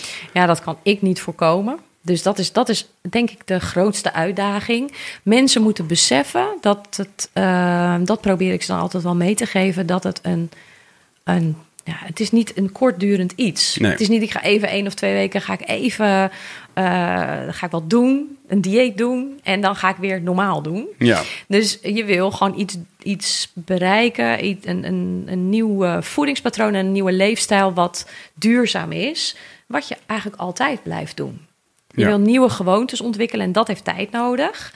Ehm, en niet iedereen is altijd gemotiveerd. Dus je moet gewoon nieuwe zorgen dat het echt gewoontes worden. Dat, dat je er niet meer over na hoeft te denken en dat het vanzelf gaat. En dat heeft gewoon tijd nodig. En gewoon geduld. En ehm, ja, dat, dat is denk ik het belangrijkste. is het, is het, voor, is het voor iedereen te doen? Het klinkt wel eens als een, eh, zeg maar als een luxe om gezond te kunnen leven in deze tijd. Begrijp je wat ik bedoel te zeggen? Sport, eh, Ja. eh, ehm, voeding. Het lijkt alsof goed, gezonder leven duurder is dan ongezond leven. Bijna. Maar dat is niet zo, vind ik. Maar eh, het laatste ook een vriendin die tegen me zei... van die had eventjes wat minder te besteden. Ja, ja, dat vind ik zo lastig. Want ja, bijvoorbeeld dadels door een smoothie, dat is wel duur. Maar denk, ja, ik doe ook geen dadels door mijn smoothie. Ja, dat is inderdaad duur. Maar je kan ook een, een smoothie maken van... ehm gewoon, ik een courgette. doe ik heel vaak. Courgette met kiwi of met mango. Je kan natuurlijk ook kijken van wat, wat is iets goedkoper... En groente hoeft natuurlijk niet altijd heel duur te zijn. Natuurlijk, als je biologisch wil kopen, is het duurder. Maar ik denk niet dat het per se duur hoeft te zijn. Ik denk dat een fles cola, als je water drinkt, is goedkoper dan een fles cola. Ik noem maar wat. Ja. En sporten hoef je niet per se personal training te doen of, eh, of op een sportschool. Nee. Dat kan je ook buiten doen. ja, maar dan is er wel weer natuurlijk de, stok achter de deur factor. Ja. Ja. Ja, dan moet je inderdaad iemand in je omgeving hebben die jou dan motiveert. Of dat uit jezelf halen. Ja, dan is dat is een luxe, tuurlijk. Als je Ja. een personal trainer of een coach in wil huren, ja, dat is een luxe. Tuurlijk. Ja. En, en dus dan, is, dan zou jij zeggen, is de tip, eh, eh, zoek een clubje. Van wat mensen Ja, die ook eh, rennen of... eh, Dat sowieso. En verzamel mensen om je heen die ook daarmee bezig zijn, die jou motiveren. Eh, vaak is het inderdaad als mensen met elkaar iets gaan doen, gaan hardlopen of wat dan ook. Dan hou je het langer vol dan dat je het alleen doet. Want een afspraak in je eentje kan je makkelijk afzeggen. Ja. En een afspraak die je met iemand anders maakt, die, die laat je meestal Ja. wel doorgaan. Dus dat zijn inderdaad wel dingen wat je kan doen. Ja, Je had, het, eh, je had het net ook even over de, eh, de, eh, de darmen. ja. En ehm, eh, we hebben, er is dus de afgelopen maanden is het heel veel gegaan over het immuunsysteem. over wa- wa- wat is de samenhang tussen die twee dingen? heel groot gedeelte van je immuunsysteem zit in je darmen. En je immuunsysteem is je afweer. En die zit ook op je huid, ehm, in je mond, je darmen. Dat is gewoon je eerste muurtje naar de buitenwereld. En, in, en die darmen zijn daar een hele belangrijke factor in, omdat die eigenlijk ook filteren. Dus de dingen, slechte dingen wil je dat ze die tegenhouden en de goede dingen dat die ze doorlaten. En ja, als dat niet helemaal goed loopt, als die darmen beschadigd zijn, dat klinkt misschien een beetje eng, maar ja, weet je, als die niet optimaal werken en toch wel een soort beschadigingjes hebben, dan laten ze dus ook heel veel dingen door die ze niet door moeten laten, in het kort gezegd. Dus die darmen spelen een hele belangrijke rol in het immuunsysteem. Dan gaat het dus eh, daarin, weet ik dat het ook wel eens gaat over eh, eh, probiotica en, Ja. en prebiotica. En dan moet je ook denken aan antibiotica, want, wat, Ja. oh, maar, dat- want dat kent bijna iedereen. Antibiotica kent Toch? iedereen, ja. Wat is dat en wat, Ja. hoe, hoe, hoe- wat heeft dat ermee te maken? Antibiotica worden we nu gelukkig wel wat voorzichtiger mee om. Hè? Want nou ja, als kind zijn heb jij denk ik ook wel heel vaak genoeg antibiotica gekregen. Mhm. Ik het, ook. leek, het leek vroeger altijd als een soort, Soort van de- toch? Dus Ja. de superhero van Ja, je, van ja. je Dat voor, werd de buik. Ja, werd natuurlijk heel makkelijk eh, uitgedeeld. Ja, en nu zie je dat mensen resistent worden. Worden ze daar dus wel voorzichtiger mee. Ehm, het is niet zomaar iets wat je altijd maar aan iedereen uit moet delen. En ehm, antibiotica, wat die doen, die doden bacteriën. Mhm. Alleen, ja, die bacteriën zijn veel belangrijker dan we misschien soms beseffen. En op onze huid en ook het wassen en het desinfecteren, wat we nu natuurlijk geleerd wordt, is niet altijd misschien het handigste om te doen. Want je hebt goede en slechte bacteriën. Ja, die bacteriën zijn, hebben, hebben een hele belangrijke functie. En ook in die darmen uh, hebben we heel veel verschillende bacteriestammen. Het zijn een soort families. En wat antibiotica doet, nou, anti, die doden de bacteriën. Maar die Mhm. doden dus ook de goede Ja, bacteriën. Ze discrimineren niet. Nee, daar hebben ze geen boodschap aan. Ja. Dus die, die doden ook de eh, goede bacteriën. En die zijn juist ja, heel belangrijk voor je gezondheid. Dat is echt wel de basis van je gezondheid. Hoe werkt dat dan? Wat doen die? Die verwerken voedingsstoffen, eh, die maken hormonen aan. ehm, nou ja, je afweer, je immuunsysteem. Ze communiceren met je hersenen, want ze noemen het ook wel tweede brein. Ja, heel veel. Ja. Dit in het, eh, volgens mij in het stukje wat ik je, dat ik je eh, in, een stukje dat ik luisterde waarin je in gesprek was met, met, met Arie, had jij het ook over het brein. Het ging heel even over geluk, wat ik een interessant, Oh. wat ik een interessant stukje vond. eh, waar, waarin, waarin jij dat, dat woord bezigde. En hij dus, Arie zei van oh, ge- gelukkig zijn, weet je, van wat betekent dat? En daar zei jij iets interessants, vond ik. Namelijk, ehm, nou, wij, wij wijten geluk vaak aan ons, onze gedachten. Maar het is eigenlijk een heel lastig te reguleren eh, ehm, deel van je lichaam, je Ja, gedachten, ja, toch? Want het gaat ja, alle kanten op. En, eh, en toen zei hij van je geluk zit wat dat betreft wellicht wat meer in je, in je buik. ja. Oh ja, dan weet jij het nog beter dan ik. Dat is alweer een tijdje geleden. Nou, en toevallig Ja, hadden wij ja. vorige week hier had ik een, had ik een, een, een jongen te gast en we hadden het ook dus heel even over, over oh, gezonder leven. Hij heeft specifiek zelf een hele eh, unieke eh, aandoening, eh, eigenlijk heel, heel kort geleden ehm, vastgesteld gekregen. Hoe heet het ook weer wat hij heeft? Coogan. Ja, ja, ja Oh. dat was een Coogan-syndroom. Oh, ja. Dus eh ehm, Maar dat eh, weet doof worden aan één oor. Ja, het is ook nog niet duidelijk of dit het heeft, maar het is in Oké. ieder geval een, eh, een, een auto-immuunziekte. Ja, En dus het ging even over, over al die dingen. En ehm, toen hadden we het over gut feeling. ja. Eh, ja. eh, waar, waar ik weet dat in de, in de, in de Ayurvedische leer eh, de, de, de buik een soort veel heiliger eigenlijk is dan Ja, het hoofd. ja. Dus dat er wordt gezegd van nou, de, eh, redeneren vanuit je buik of afgaan op je buik Ja. is eigenlijk een veel betere raadgever eh, dan de gedachte. En toen ik je dat hoorde zeggen, toen dacht ik van oh, dat is wel interessant. Dat is eigenlijk strookt dat daarmee. Ja, ja en, en, en, nou ja, en ook in die buik en in die darmen worden ook gelukstofjes aangemaakt. Als dat niet optimaal werkt, ehm, het is een beetje kip en het ei verhaal.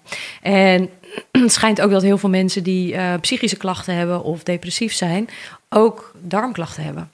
Dus die hebben ook altijd ongezonde darmen. Dus de vraag is natuurlijk, hadden ze eerst die darmklachten en zijn ze daardoor depressief of eh, hebben ze eh, psychische klachten gekregen? Of is het andersom? En dat weet je vaak Nee, niet. maar either way is het in ieder geval per definitie slim om het Ja. eens te onderzoeken voor jezelf. Ja, en dat zie je eh, niet alleen met die darmen. Maar een goed voorbeeld is bijvoorbeeld ook eh, B12 tekort. Eh, of een vitamine D tekort. Dat heb ik ook heel vaak zien gebeuren. Dat mensen echt dachten dat ze depressief werden of een burn-out hadden. En dat het uiteindelijk gewoon een stofje was dat miste. Je moest gewoon op vakantie. ja, Ja. dat sowieso. Nee, ja, en dus een B12 tekort kan heel veel rare klachten veroorzaken. Waar halen wij dat uit, B12? Eh, B12, ja. B12 is natuurlijk een, een dingetje als je vegetarisch of vegan eet. Hè, dat ze dan zeggen, maar dat haal je uit dierlijke producten. Maar dat is niet helemaal waar. Ehm, want nou, dat wordt ook in je darmen aangemaakt. En vaak als dat niet helemaal goed loopt. Dus mensen denken dan vaak als ze dierlijke producten eten. dat ze daar geen tekort aan kunnen krijgen. Maar ehm, dat, dat is dus niet waar. Heel veel mensen die B12 tekort hebben. die eh, eten gewoon dierlijke producten. Mhm. Dus het wordt vaak als je, als je vegan of vegetarisch eet, wordt er gezegd: let daarop. Mhm. Dus die mensen zijn er vaak veel bewuster van. Dus die Oh ja. gebruiken B12. Dus die zullen juist minder snel een tekort Ja. krijgen. Dan eh, de mensen die dus eh, inderdaad kip en vis en noem maar op eten. Eh, terwijl die ook dus heel vaak een tekort hebben. En dan misschien daar niet bij stilstaan. En ja, daar kan je echt hele nare klachten van krijgen. En dan kan je soms echt denken van, ik word niet goed. Er gebeurt iets met me. Ja, Ja. Maar is, is dan de tip eh, eh, supplementen?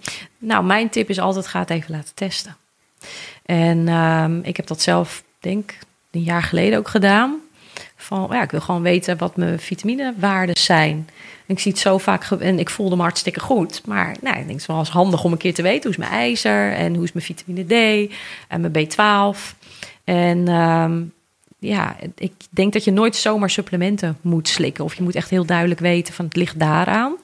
Uh, of als je inderdaad vegan of vegetarisch bent, dan is het handig om B12 te slikken. Ik vind altijd in de winter moet je D slikken, want we hebben geen zon dan, niet genoeg zon. Dus Mhm. dat, is dan, dat moet je echt wel doen. Nou heb ik eh, ook wel eens eh, ehm, eh, gehoord dat het, eh, laat ik zeggen, verschillende huidtypen of in ieder geval Ja. verschillend DNA eh, er ook nog wel van invloed is Ja. of je vitamine D meer nodig hebt of minder Ja, ja, nodig ja. hebt. Als jij een donkere huid hebt, dan ben je meer beschermd tegen de zon. Maar dan maak je dus ook minder makkelijk vitamine D aan. Een oudere huid trouwens ook. Ja, een oudere huid wordt dunner, dus dat, daar geldt dat ook voor. Dus sowieso oudere mensen of met een meer donkere huid, die eh, hebben ook eerder kans op een, op een D-tekort. Ja, want je zonnepanelen zijn gewoon minder actief, is een beetje waar dat neerkomt. Ja, En dat is ook dat logisch natuurlijk, omdat de donkere huidtypen over het algemeen komen uit zonrijke omgevingen, waar het eerder als bescherming dient dan aan... Ja, ja, Ja. dus het is heel logisch. Ja.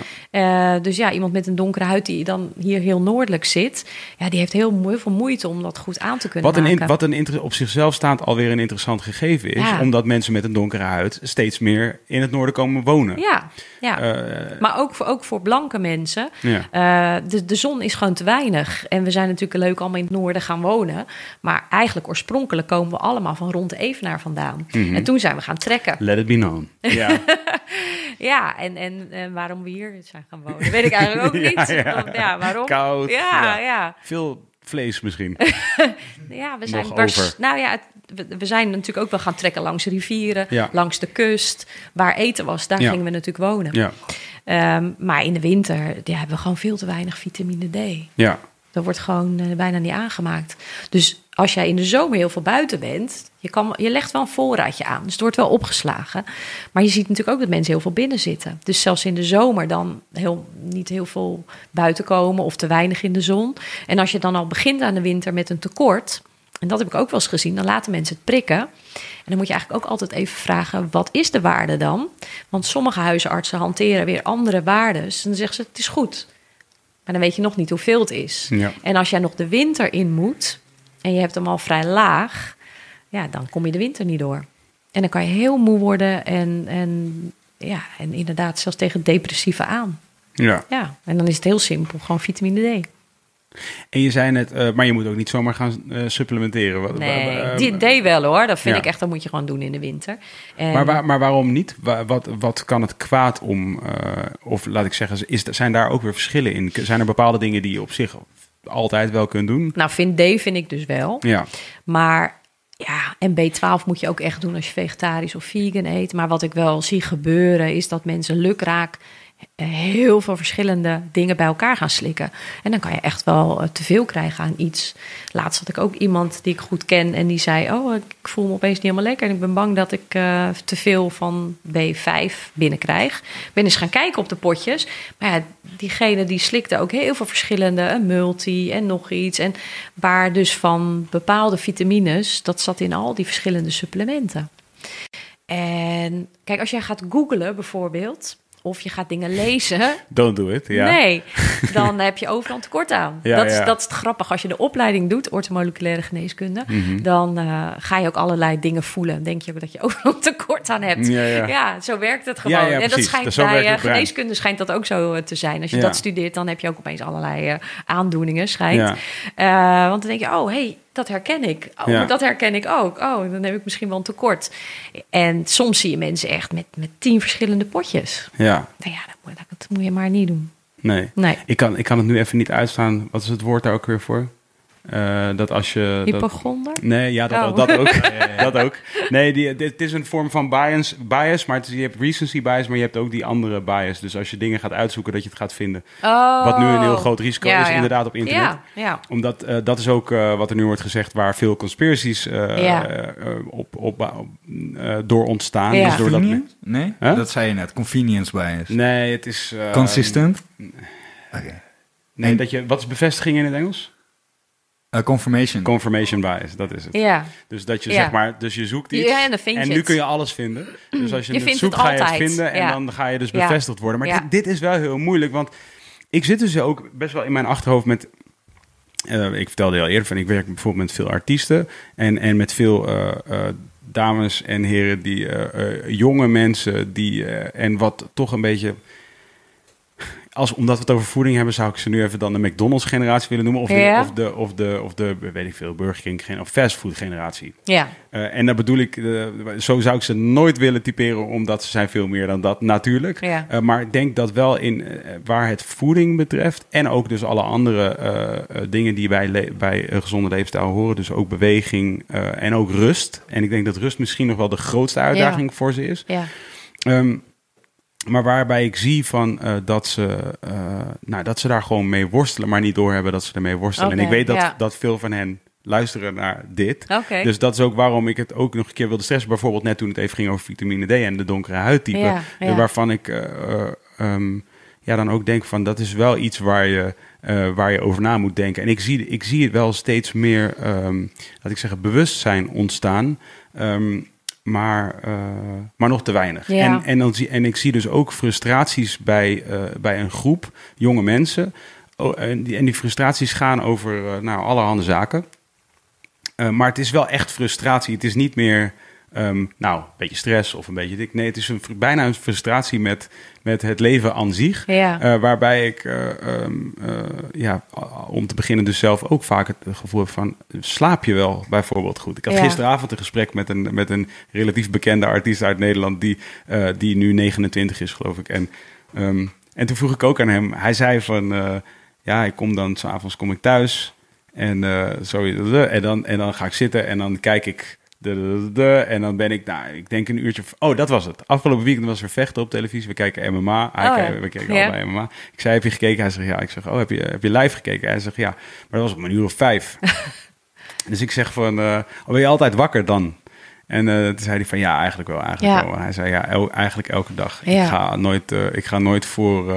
ik ga nooit in het donker slapen eigenlijk. ja, En eh, ja, precies. En ik weet dat dit is heel gebruikelijk Ja, eh, ja. eigenlijk. Zeker in onze, eh, in die community van, van, Ja. van artiesten. Maar ook, ik denk, heel veel jonge mensen doen dit. ja, en ik denk ook dat ze dan ehm, het vaak niet, ja, dat zie ik heel vaak gebeuren, dat mensen dan niet denken dat ze dat kunnen veranderen door inderdaad hun gewoontes aan te passen of, hun voeding. Dat ze, ze denken niet dat dat zo'n impact heeft. Nee. En, En- dat het ook niet zo ver door... ehm, eh, dat het ook met hun, met hun leven, eh, bijvoorbeeld hun professionele bestaan, niets te maken heeft. Ja, Dat is- ja, dat is iets wat wil ik- je dan ook niet. Nee, ik weet wel, toen ik vloog, ehm, toen vond ik het heel leuk om uit te gaan.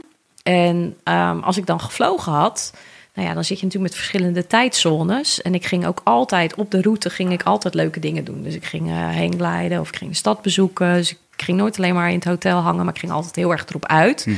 En als ik dan thuis kwam en het was vrijdagmiddag, dan dacht ik, nou, het is weekend en dan ga ik stappen. Dus ik, ik haalde dan ook gewoon door. En, en ik dacht ook van, ik, dat moet kunnen. Dat moet gewoon, dat, dat moet ik gewoon, eh, dat- ja, ik ben jong en eh, dat moet allemaal kunnen. En op een gegeven moment was het gewoon klaar. Ik kon niet meer slapen. Ik voelde me niet lekker. En eh, nou ja, mijn hele rib, ik was er natuurlijk helemaal gewoon van slag. En bij de KLM is dat dan wel een, een normaal verschijnsel. Dat als je een paar jaar vliegt, dat je dat een keertje krijgt. En dat je op geen slaapproblemen krijgt. Ik vond het best wel heftig. Ik had dat nooit gehad. Ik was altijd een hele makkelijke slaper. En als je niet kan slapen, dat is echt Ja. vreselijk. Ehm, en ik weet wel dat een vriendin toen ook zei, maar komt dat dan misschien ook niet omdat je ook de hele tijd gaat stappen? Dus je gaat en, en, en, en, en. En dat wilde ik ook echt niet horen. Nee, tuurlijk niet. Nee, ligt daar niet aan. ligt daar echt niet aan, want je wil het niet. Je wil het niet. Maar je wil al die leuke dingen doen. Ik denk dat dat het een beetje is. Je wil al die leuke dingen doen. Dus je wil ook niet dat dat impact heeft. Want je bent jong en je wil alle leuke dingen doen. En ehm, pas als je echt klachten krijgt, dat zie ik wel heel vaak bij mensen. Als echt een noodzaak is van ja, nu is het te erg. Ja. Ben je bereid om iets te veranderen? En ik denk ook als je wat ouder wordt, dan ga je ook wat zuiniger zijn op je lichaam. Omdat Ja. je dan denkt, ja, ik moet nog wat langer mee. Ja, Dus dan ga je daar ook wat voorzichtiger en wat zuiniger mee om. ja. En als je jong bent, denk je dat je het eeuwige leven hebt. Tenminste, ik dacht dat wel. Ja. Ja, ik vind het wel, ik vind het eh, best wel regelmatig gewoon, eh, ja, ja, verdrietig is misschien een beetje overdreven. Ja, je maar de- zou graag willen vertellen aan mensen hoe ze, het, eh, hoe ze zich beter zouden kunnen voelen eigenlijk. Toch? Ja, ja en, en, en, en misschien, want kijk, ik denk dus dat eh, als je, want als je bijvoorbeeld van jou gaat kijken op YouTube, vind je ook dingen waarin jij goed uitlegt, bepaalde dingen goed uit, uitlegt. Eh, Dank je. En, ja, en, en, en als je, als je, en, maar er is natuurlijk een, een, een gigantische schatkist aan informatie, eh, want dat is er wel. Ja. En, en, en wees voorzichtig dus in wat je wel Ja, en niet zoekt. ja. Maar zeker denk ik, als je een beetje langs de routes gaat waar langs je weet. Hè, dus ik, jij bent hier nu omdat ik. ik Arie is voor mij eh, gewoon een soort van. eh, in, eh, die gebruik ik altijd een beetje als een soort go-to persoon gezondheid voor mij. Leuk. En, en de reden waarom ik dat doe, is niet omdat hij het soort archetype gezonde man is per se. Maar, maar, maar omdat ik gewoon denk: oké, hij, is een- hij is een bekende persoon. Ja. Eh, en als bekende persoon heb je bepaalde verantwoordelijkheden. Dus Ja. hij kan mij bijna niet slecht adviseren. want dat zou zijn reputatie kosten. Begrijp je wat ik bedoel? Arie, hoor je dit Ja, als je ja. luistert? Maar ik, denk- ik, denk, ik, denk dat, ik denk dat hij dit niet hoeft te horen uit mijn mond. Want dat is hoe hij, denk ik, in het leven... Hij begrijpt dit ook, denk ik. Eh, dat moet wel, want anders kun je niet de, een high-profile eh, persoon zijn in, in een bepaalde industrie. En, en je dus vervolgens ook profileren als een gezondheidsdeskundige. Ja, ik denk dat hij heel oprecht is. Dat sowieso. Dus dat, dat voel ik en dat voel Ja. jij. Dus dat weet je, het komt vanuit oprechtheid. Ja, Dus dat, dat is een goede insteek. ja. En ehm, ja, hij zit natuurlijk ook in de fitnessindustrie. En dat wil natuurlijk niet alles zeggen. Nee, nee maar, zeker niet. Nee. Ehm, en, en ik denk ook als bekend persoon heb je misschien ook wat meer toegang tot ehm, verschillende kanalen. Ja. Dus dat, dat scheelt dan misschien ook altijd wel weer. Ja. Ja, Maar ik, eh, eh, ik, was, ik was volgens mij alweer een beetje afgedwaald. Je vroeg eh, van ja, je wil graag. Mensen duidelijk maken. ja, dat die, die. Ja, maar wat Ja. ik, wat ik vo- vo- vooral eh, zie is eigenlijk in twee. is een beetje twee dingen. Dus ofwel, ik zie mensen, laat ik zeggen, die, die het geld hebben om zich eigenlijk te kunnen veroorloven dat ze ongezond zijn. Wat een groot risico is. Maar dat zie ik echt. Van, ik heb dan het gevoel van, oh ja, die mensen die zijn zo in de veronderstelling. Ja, ik kan mijn gezondheid min of meer kopen. Ja, Want, eh, want ja, ik heb geld, dus ik kan als het moet, eh, eh, dan ja, weet ik veel. Dan, dan is het geen probleem. Ik ben on- onschendbaar, want ik heb geld. je bedoelt als ze dan ziek zouden worden, bijvoorbeeld. Dat, zelfs dat misschien nog niet eens zo Mm. ver. Maar gewoon het gevoel van geld is uiteindelijk wat eh, nummer één gezondheidsding. ding. maar dezezelfde mensen met geld zijn dus helemaal niet per se, in mijn optiek, eh, kalm in hun hoofd of in hun hart. Nee, nee. Snap je wat ik bedoel? Ja. Het, is, het, is, het is puur de, eh, het, eh, de, de mm, geveinsde gevoel van veiligheid dat geld ze biedt, zeg maar. Van, ze, hebben, ja. ze hebben geld, dus het is best gewoon wel oké. Want dat is uiteindelijk waarvoor je misschien 30 jaar lang je best hebt gedaan en nu heb je het. Ja, dus, dus je bent safe. Dat, is, dat, dat gevoel heb ik bij sommige mensen. Aan de andere kant zie, je dus, zie ik dan weer mensen die, ehm, laat ik zeggen, ehm, hun best moeten doen om hun bestaan bij elkaar te werken, Ja. bijvoorbeeld. Eh, en eigenlijk eh, een beetje dat als. en excuus is niet het verkeerde woord, maar Oh, van, ja. vanuit daar ehm, Ja. de verkeerde kant op, Ja. op gaan. Namelijk, ik heb de tijd niet om te sporten. Ik heb de tijd niet om op mijn gezondheid te letten en al die dingen. Want ik mag blij zijn als ik einde van de maand mijn rekeningen kan betalen. En eigenlijk in allebei die groepen is er dus het, het, is er een heel comfortabele keuze ja. om voor ongezondheid te Het kiezen. is altijd een keus. ja. Want dat, dat, ja, dat verhaal hoor ik, het laatste wat jij vertelt, hoor ik natuurlijk ook heel vaak. Ehm, ja, ik heb het te druk. Of eh, ik ben net, eh, weet je, ja, ik heb kleine kinderen. Of Ja. heb ik ook wel eens gehoord, ik zit in een verhuizing. Het is dan nooit het moment om te Om het te starten. ja. Want het net, nu komt het niet goed Ja, ja, uit. precies, ja, maar dan komt het dus 1 nooit uit. Ja, en dan komt het dus nooit, nooit Nee. uit. Want dat Nee. is het leven. En, Ja. en eh, jeetje, ja, ik had ook een keer iemand en, en die, dat was een moeder en een dochter. En ja, nee, we zitten in een verhuizing, dus dat was niet helemaal gelukt om dan gezond te eten. Hoezo, verhuizing? Ja, Ja. vertel. En eh, ja, Ja. maar ja, dan hebben we schilders over de vloer. En dan bestellen we pizza. eh, nou ja, en dan moet ik, ze, moet ik die man wel een koekje aanbieden. Ik zei, nou ja, ten eerste, als jij iemand een koekje aan wil bieden, hoef je hem zelf niet te nemen. Ja. En jij krijgt nu van mij ook geen koekje. Krijg je gewoon lekkere koffie of thee. En dat is dan ook prima. Dus dat, is, dat zijn keuzes die je zelf maakt. En dat zijn eh, denkbeelden die jij zelf hebt. Eh, ja, smoesjes. Even nog, eh, ehm, of even nog, eh, de twee dingen die eigenlijk heel belangrijk zijn in mijn optiek. Want je, je, ehm, ehm, je eet vegan. ja, Hoe is dat gekomen? ja. Ik moet zeggen dat ik niet meer 100% vegan eet. Oh. Maar ik heb het wel drie jaar lang gedaan. Wat 100%. zit, wat zit er nu in dan? Vis Ah. eet ik en ei. Ja, dus, maar dat is echt sinds heel, heel kort. Dit is echt breaking news. Oh, eh, woe. Ja, ehm, hoe, Headlines. eh, nou, eh, dat is eigenlijk, denk vier of drie jaar geleden, ging ik met mijn zoon ging ik, eh, op een, een survival tocht in de bergen.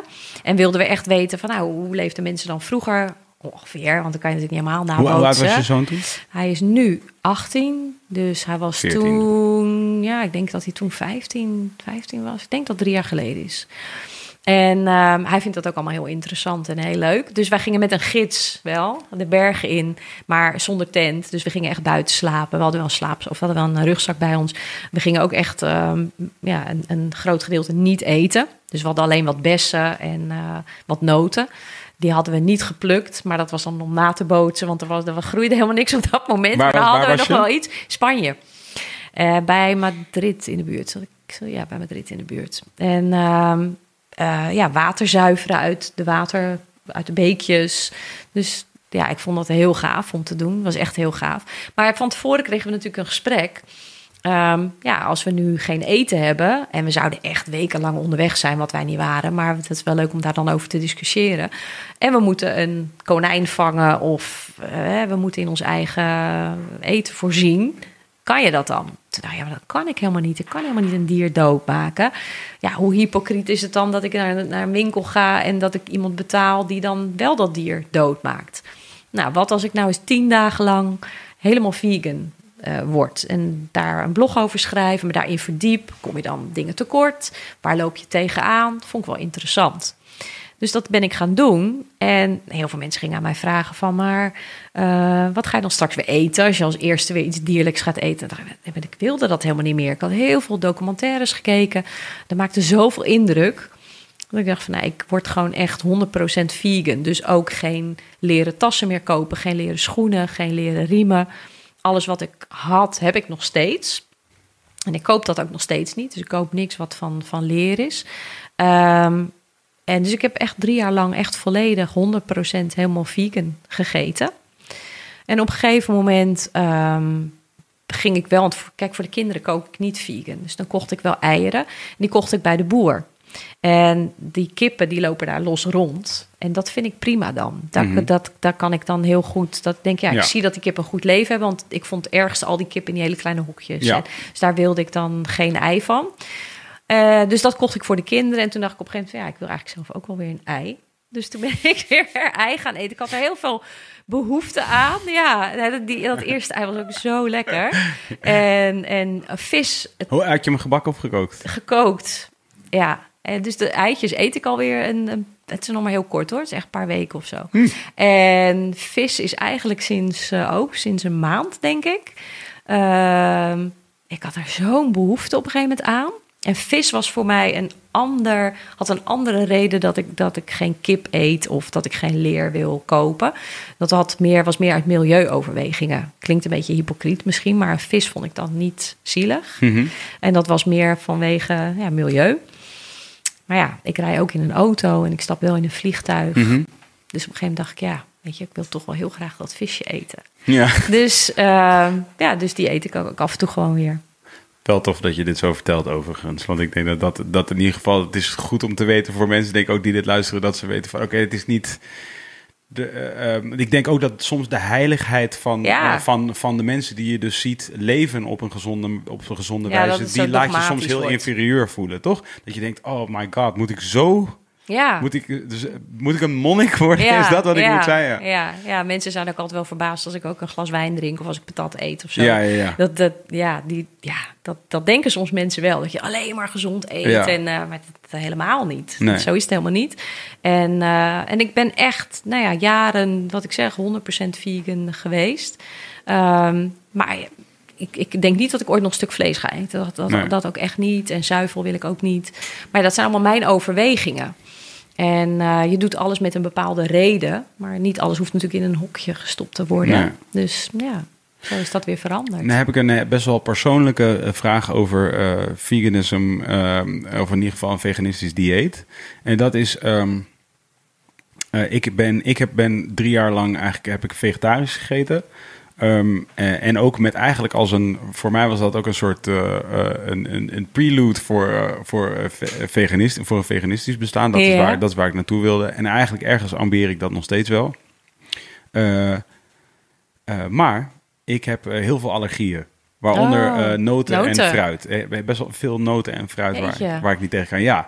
En dus ik kwam er, dus, dus naarmate het vorderde. En ik ben, ik ben dan ook wel zo iemand die er gewoon in duikt. Zonder per se van tevoren eerst heel erg na te denken over wat ik nodig heb. Tot grote frustratie voor mijn vriendin. Ik kwam op een dag gewoon thuis zei ik: Oké, we gaan beginnen. en, toen, en toen zei ze: Nee, nee, wacht maar. Nee, we moeten wel een beetje over nadenken. Oh, en dat zo. eh, vind ik wel herkenbaar. Ja. Is dat. Ja. En, ehm, en ehm, dus ik ben eigenlijk gewoon hals over kop daarin gedoken. En gelukkig heb ik, eh, heb ik een engel van een vriendin die dan wel zich echt eh, verdiept in al dingen. En dus Oh, ook best wel veel weet. En die, eh, die mij ook goed kan helpen. Wij za- ik zat vanmiddag nog even een stukje van jou te kijken. Een presentatie die je op YouTube had gedaan over, over onder andere de darmen. En toen, toen zei mijn vriendin, waarom water? Waarom zegt ze niks over water? Oh! dat is heel grappig. Ehm, maar het is wel goed, hè, water? Ja, Ja, ja, precies. Want eh, dat, ging- dat ging dan specifiek over de... Je had het over vezels en, eh, en, eh, en over eh, on... eh, ehm, vezels, blijvende... Hoe heet het? Wat was de naam ervoor? Blijvende vezels? Nee. Oh, oplosbare vezels Oplosbare en onoplosbare vezels, ja, vezels. Ja, ja, ja. ja. En toen was, het- toen was op de achtergrond... ik, Water, water. Water. Ja. ja, vezels, water en beweging. Dat is het eigenlijk, hè? Ja. Maar goed, afgedwaald. Eh, ve- vegetarisch eten. En toen er op een gegeven moment, eh, want, want ik, eh, ik leef dan een leven waarvan, eh, denk ik, eh, veel mensen het ook als een excuus zouden. eh, ik heb ook zo'n excuus leven in die zin dat. eh, ik, ik doe veel op één dag en ik ben ook ik beweeg of ik ben ook veel van hot naar her Ja, en zo. ja. Veel korte tijden eh, ehm, eh, thuis of op kantoor. eh, en dan ook op kantoor ook niet heel per se altijd heel veel tijd om, eh, om dingen te doen. Ja. En dan kan je wel natuurlijk 's ochtends dingen voorbereiden. Maar ja, het- je breekt ook snel met de gewoonte, et cetera, et cetera. En ik eet veel buiten de deur eh, in verband met mijn werk. Dus eh, uit eten bedoel Ja. ik.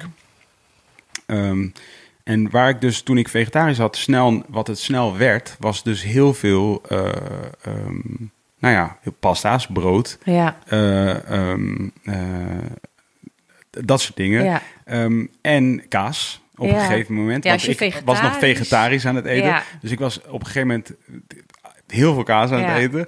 Eh, want dat is ook voorhanden. Want eh, als je naar een eh, tankstation gaat en je wil, dan is dat nog wel iets wat je soms, soms ziet. En op een gegeven moment krijg je dus ook die dingen. En in een, in, een, in een restaurant, zelfs in een restaurant, veganistisch restaurant, was het voor mij een soort beperkt, omdat ik dus veel noten niet kan eten. Oh, en, ja. ehm, en, Ja. en ook fruit, zelfs dus toetjes. Oh, ja. Zelfs vegetarische toetjes, of ve- veganistische toetjes was voor mij, is voor mij een probleem. Lastig, ja. Ja. ja. Wat doe ik? Wil je dat even alsjeblieft in tien minuten ongeveer? Nou ja, zonder die noten, dat, dat kan, kan heel goed. Dat, dat, ja, je kan nog heel veel dingen wel eten natuurlijk. Eh, overigens, cashew ben ik helemaal safe. Cashew is een soort van de safest. Want dat wordt veel gebruikt ja, ook als die, basis. die, maar Dus- dat vind ik ook top. En Ja. dat eet ik ook graag. En eh, dus daar ben ik helemaal... Nou ja, weet je, de peulvrucht en de, en de, en de goede granen, de, de quinoa, de Ja. amarant en dat soort dingen, dat kan je natuurlijk allemaal heel goed eten. Ehm, dus Quinoa is wel nog steeds koolhydraten. Ja, ja, maar niet... Ja, weet je, het is altijd Ja, je hoe gaat er niet dood aan, ja. Nee, het is altijd hoe je het combineert. Ja. Dus ja, je kan best nog heel veel kanten op. Als je natuurlijk gewoon een, een lekkere salade met iets van rijst of quinoa of amarant of weet ik veel, dat soort dingetjes als basis. En verder met... Ik ben ook van- trouwens, soja kan ik ook niet. Oeh, ja, dan wordt het wel steeds Ja. lastiger. Want daar zit, beland je natuurlijk wel heel Ja. vaak in. Ja. Vooral als je uit eten gaat. Dan, dan zijn natuurlijk ook een... eh, ja, En ik kwam dus echt op zo'n punt dat ik dus dacht van ja, nu wordt het voor mij ongezond om dit zo te doen. En wat was jouw reden dat je dan ehm, vegetarisch of Dierenwelzijn. eten? Ja, wel dierenwelzijn. Ja, dus ik, eh, eh, en dat heb ik nog steeds eigenlijk. Ja. En hoe zit je dan met vis? Ja, Want ja. als je mij dat hoort zeggen, want bij mij was vis dan... alle- Het begon bij mij ook, dat was mijn nummer één reden, dierenwelzijn. Eh, en ja, uiteindelijk is vis, had ik daar wel minder dat gevoel bij. Was dat meer, eh, ja, omdat we gewoon de zeeën leeg vissen. Dus het is gewoon niet goed voor het milieu. Ja, ja. Maar ik, ik had niet zozeer te doen met... Ja, het is misschien heel erg dat, dat, dat, dat ik nu, nu zeg, maar met die vissen. Ik, heb al, ik had op een gegeven moment een heel vergaande eh, theorie. Of ik weet niet of die vergaand was, maar zo van, ik had dat ver uitgedacht. En dat ging meer over, eh, over ehm, ook de gezondheid van dat wat ik eet en, en, en dan het, het, trau- Ja. het trauma, zeg maar. Ja, ik snap wat jij bedoelt. Want dat, dat was bij mij ook wel van ja, al die vissen, die zee is vervuild ook bijvoorbeeld. En heel veel vissen krijgen heel veel antibiotica. Ja, Dus, nou en ja. nog zelfs eh, nog een level daarboven. En dat is wel eh, misschien een heel klein beetje out there of zo. Maar ik denk altijd gewoon van, oké, dus een vis, ja, uiteindelijk, een vis voelt zich op een gegeven moment ook gevangen. Ja. En, eh, Ja, je eh, bedoelt het lijden van het dier. Exact. Eh, en, daar, en, ja. dan, en dan soms als ik dus mensen, eh, dus dat geldt ook dus voor de kippen en de varkens en zo. Helemaal geldt dat voor Ja. die dieren hier natuurlijk. En het geldt trouwens ook voor de melk die je drinkt. Want koeien worden, nou ja, Ja, de ergste- ja, ik wil ook geen melkproducten. toch iets waar mensen Ja. dan echt regelmatig niet echt bij stilstaan. Maar eigenlijk is de, in mijn optiek een van de allerergste dingen is dat. Ja. Is die koeien die melk moeten geven voor onze lol. Ik vind dat zo zielig. En dan die kalfjes die bij die moeders weggehaald werden. Dat vind ik ook echt en mega erg. pervers. Echt soort van de, een van de meer perverse dingen die we als mensen hebben besloten te doen. Is om ko- moederkoeien Ja, basically... eh, dat vind ik ook echt toch? heel naar. Ja, als je, ik weet niet of je dat wel eens gezien hebt, filmpjes van de moeders, de koeien, waarvan de kalfjes weggehaald worden. Ja, ik, ik, ik, ik vind dat hartverscheurend. Toch? Het is, het is, het is, het is, echt verdriet. Dat is het zo is ook bijna, het is echt gestoord dat we dit als mensen bedacht hebben bijna. Ja, en omdat het, omdat het zo gebeurt, dat we Ja. het allemaal normaal vinden. Ja, En al die dieren die op elkaar zitten, mensen willen het vaak ook niet weten. nee. Eh, ik ben toen al die documentaires gaan kijken, Earthlings. Ik weet niet Ja. of je dat, nou, dat, ik heb echt zitten huilen erbij. Ehm, en dat mensen dan wel eens aan mij vroegen, maar waarom eet je dan vegan? Of waarom eet je dat dan niet? En nou, dan ging ik dat ook uitleggen. Ja, waarom ga je die documentaires dan kijken? Ja, maar dat is wat Ja. gebeurt. Ja, Dat is ook een goede manier om eruit te kijken. ja. Van Ja, dat wil ik Ja, niet maar waarom zien. leer je dan dingen? Dat had je toch niet hoeven doen? Ja, maar dan ga je dus heel erg je kop in het zand steken. Van Ja. ik wil dat niet zien, ik wil dat niet weten. Ja. En dat heb ik ook heel lang gedaan hoor, voordat ik dat ben gaan kijken. Maar ik heb mezelf toen wel verplicht. En nu wil ik ook alles weten. En nu wil ik alles zien. En als je dat gezien hebt, dan wil je dat ook echt niet meer. Dus ik zei soms tegen, tegen vrienden of mensen die het mij vroegen, zei ik wel eens van ja, ik wil gewoon überhaupt geen, zeg maar even los van of je het zielig vindt voor een dier. Maar stel je voor dat je een, een dier dat dus, eh, laat ik zeggen, een, een, een, een, een lange periode in trauma geleefd Ja, heeft, stress. dan wordt, dan wordt dat dier dood. En dan zeg ik altijd, ik geloof wel dat die energie in dat vlees zit. Ja. Dus ik wil dat gewoon niet, ik wil dat niet vervolgens in mijn lichaam Nee. hebben. Want ik, en dan zeggen ze, ja, dat is wel heel erg out there. En dan ge- geef ik altijd het voorbeeld. Stel je voor dat jij een niertransplantatie moet hebben. En er zijn twee nieren beschikbaar. Eén van, één van een, een jong volwassen persoon die, eh, weet ik veel, een of andere studie doet. En, de, de, en je kan het boekje nalezen, is allemaal gewoon cool. En de andere nier komt van een eh, 45-jarige massamoordenaar. Twee prima functionerende nieren. Welke nier kies je? Weet je, en dan, en dan zeg ik, ja, nee, kies je wel die. die- Ik zei, nou ja, dat is dezelfde, Ja. dat is precies dezelfde redenering. En dus ik weet niet of het wetenschappelijk eh, hard te maken valt dat het, dat het sens maakt dat ik als ik een getraumatiseerd dier eet, dat ik dan deel van een trauma. Nee, wel. Die st- de stress van die dieren, maar ook de hormonen die ze toegediend krijgen. Ja. Het eten wat zij eten. Ja, ze zeggen niet voor niks, je bent wat je eet. Ja, precies. Je brengt het echt je lichaam in. Ja. Dus ja, ik, ik vind, vind dat je het ook heel mooi omschrijft over die niertransplantatie. Dat ga ik ook een keer gebruiken. Ja. Dat vind ik wel heel Feel goed free. omschreven. Of Ja. misschien ook van, eh, niet zozeer misschien de vergelijking met een, een seriemoordenaar of een massamoordenaar, maar eh, iemand die heel gezond leeft of iemand die heel Ja, ongezond precies. leeft. Zo bijvoorbeeld ook. Eh, ja, denk ik, je brengt dat wel echt je lichaam in. Ja. En zeker wel dat stresshormonen van die dieren ook jouw lichaam inkomen. En Ja. de hormonen die ze toegediend krijgen. En ja, ik geloof daar ook absoluut in. Maar dan moet ik wel dus tegelijkertijd zeggen dat ik, dat ik eh, net als ehm, ja, alle eh, andere domme mensen. Ehm, dus dat het wel van kwaad tot erg gaat. Dat is wel echt wat het is. Want ik ging dus van eh, vol eh, vegetarisch eh, en met de ambitie om veganistisch te gaan naar oké, oké, een beetje kaas, beetje de, de- de- Ja. steeds meer kaas, steeds meer eieren. Oké, weet je wat ik doe? Ik eet, ik ga gewoon, weet je wel, het, het best, het meest vriendelijk geslachte de, de, de, de, Oh ja, ja. biefstuk kopen. Ja. Nou ja, eindstand Ja. zit je opgegeven. Ik, ben, ik Ja, ga niet naar KFC, zeg maar dat niet. Ja, ik denk Maar, ook eh, niet dat je moet het ook niet zwart-wit zien. Ik denk ehm, dat is natuurlijk van je bent of vegan of je bent vegetarisch of ehm, ja, en dan denk ik eh, als heel veel mensen ehm, minder vlees eten Mhm. eh, of met diervriendelijker te werk gaan, dan bereik je al veel meer dan een heel klein groepje mensen die heel dogmatisch zijn en heel streng zijn voor zichzelf. Ehm, en ik denk ook niet dat je moet denken van, oh, het lukt me niet, dus het is helemaal verloren. Ik denk dat alles wat je doet is goed. En ik denk dat als iedereen zijn best doet en een klein beetje doet, dat we al heel ver komen.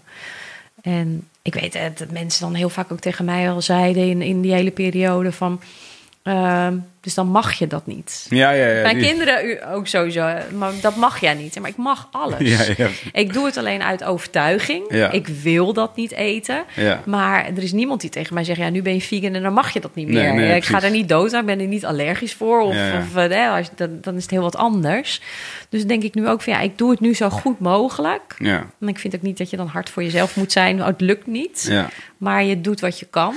Maar dat, dat, dat mogen, of in ieder geval dat, die, die, die interpretatie daarvan... Ja. eh, dat, dat heeft dus waarschijnlijk toch allemaal wel weer te maken met de cultuur... en met dat wat, wat als normaal wordt beschouwd, Ja, toch? je Van- moet in een hokje passen en je, dan moet je je aan de regels houden. Ja. Maar ja, die regels maak je zelf. We hadden het volgens mij ook de vorige aflevering een paar weken geleden. Heb je nou je mobiele telefoon aanstaan, Twan? Heb je nou het geluid op je telefoon? Ehm, ehm, eh, eh, hadden wij het ook over dat, ehm, ehm, dat het zo gek is dat eigenlijk eh, de- deze lessen, of dit wat jij, eh, wat jij dan eh, nou ja, hier, hier vertelt, en ook boeken die je erover geschreven hebt, Ehm, eh, die zijn beschikbaar en er zijn nog een grote hoeveelheid allerlei boeken en cursussen en dingen die je zou kunnen doen om, om te leren. Maar dat het niet echt deel uitmaakt van ons onderwijs. Nee, dat vind ik ook zo bizar. Dat, ja, daar heb je een heel goed punt. Ik vind dat zo raar. Kinderen leren alles op school. Uh, aardrijkskunde, waar eh, Middelburg, li- Middelburg ligt, of weet ik van wat. We hebben gewoon eh, allemaal een routeplanner. En Ja, maar, maar niet wat gezond eten is. Of heel af en toe, dan hebben ze zo'n ontbijt. En dat is dan ook weer gesponsord door eh, de voedingsindustrie. En dan Ja. ontbijtgranen. Ja, bizar. Ehm, waarom wordt dat niet geleerd op school? Ik, ik denk ook omdat dat misschien lastig is. Want wat ga je ze leren? Omdat er natuurlijk zoveel verschillende meningen over zijn. Het voedingscentrum is natuurlijk dan een beetje het instituut, instituut hier in Nederland... wat dan de lijn uitzet. ja, maar ja, of die het nou altijd allemaal helemaal precies weten. Dus dat maakt het misschien wel lastig. Er zijn zoveel verschillende meningen. Dat wat ga je dan die kinderen leren? Maar ik denk als je al kinderen zou leren hoe je bijvoorbeeld eh, groenten kan verbouwen of wat de verschillende groenten zijn. Het zou maar heel simpel zijn. Dan kom je al heel ver. Nou, en dat is dus een beetje mijn frustratie als ik het dus heb, als ik dus spreek met vooral jonge, ambitieuze mensen, eh, die, en, zeker die komen van ehm, een achterstand. En dan heb ik het dus over, eh, nou dat, dat kan allerlei soorten achterstand zijn. Eh, dat kan zijn dat je in je jongere jaren wellicht iets dramatisch hebt meegemaakt. Of dat je wellicht eh, eh, eh, opgegroeid bent zonder, zonder vader of moeder. Ja. Of dat je Ja, in ieder geval voor uitdagingen gestaan hebt waar je, waar je ieder kind van zou gunnen dat ze niet Ja. met die uitdagingen te maken hebben. Ehm, en dat kan dus, dus ook laag, laag, in een laag inkomensgezin of in een buurt die meer uitdaging bood of wat dan ook. Ehm, maar die wel allerlei ambities hebben om, om in hun leven verder te komen. En dus ook, zeker als ze dus ook weer daarna vervolgens zelf kinderen krijgen. Hè, en dan echt te zeggen van ik wil voor mijn kinderen meer dan ik heb gekregen toen ik jong was. En, ehm, maar dat ik bij hen dus eh, dat zie en echt een vuur zie branden om het te doen.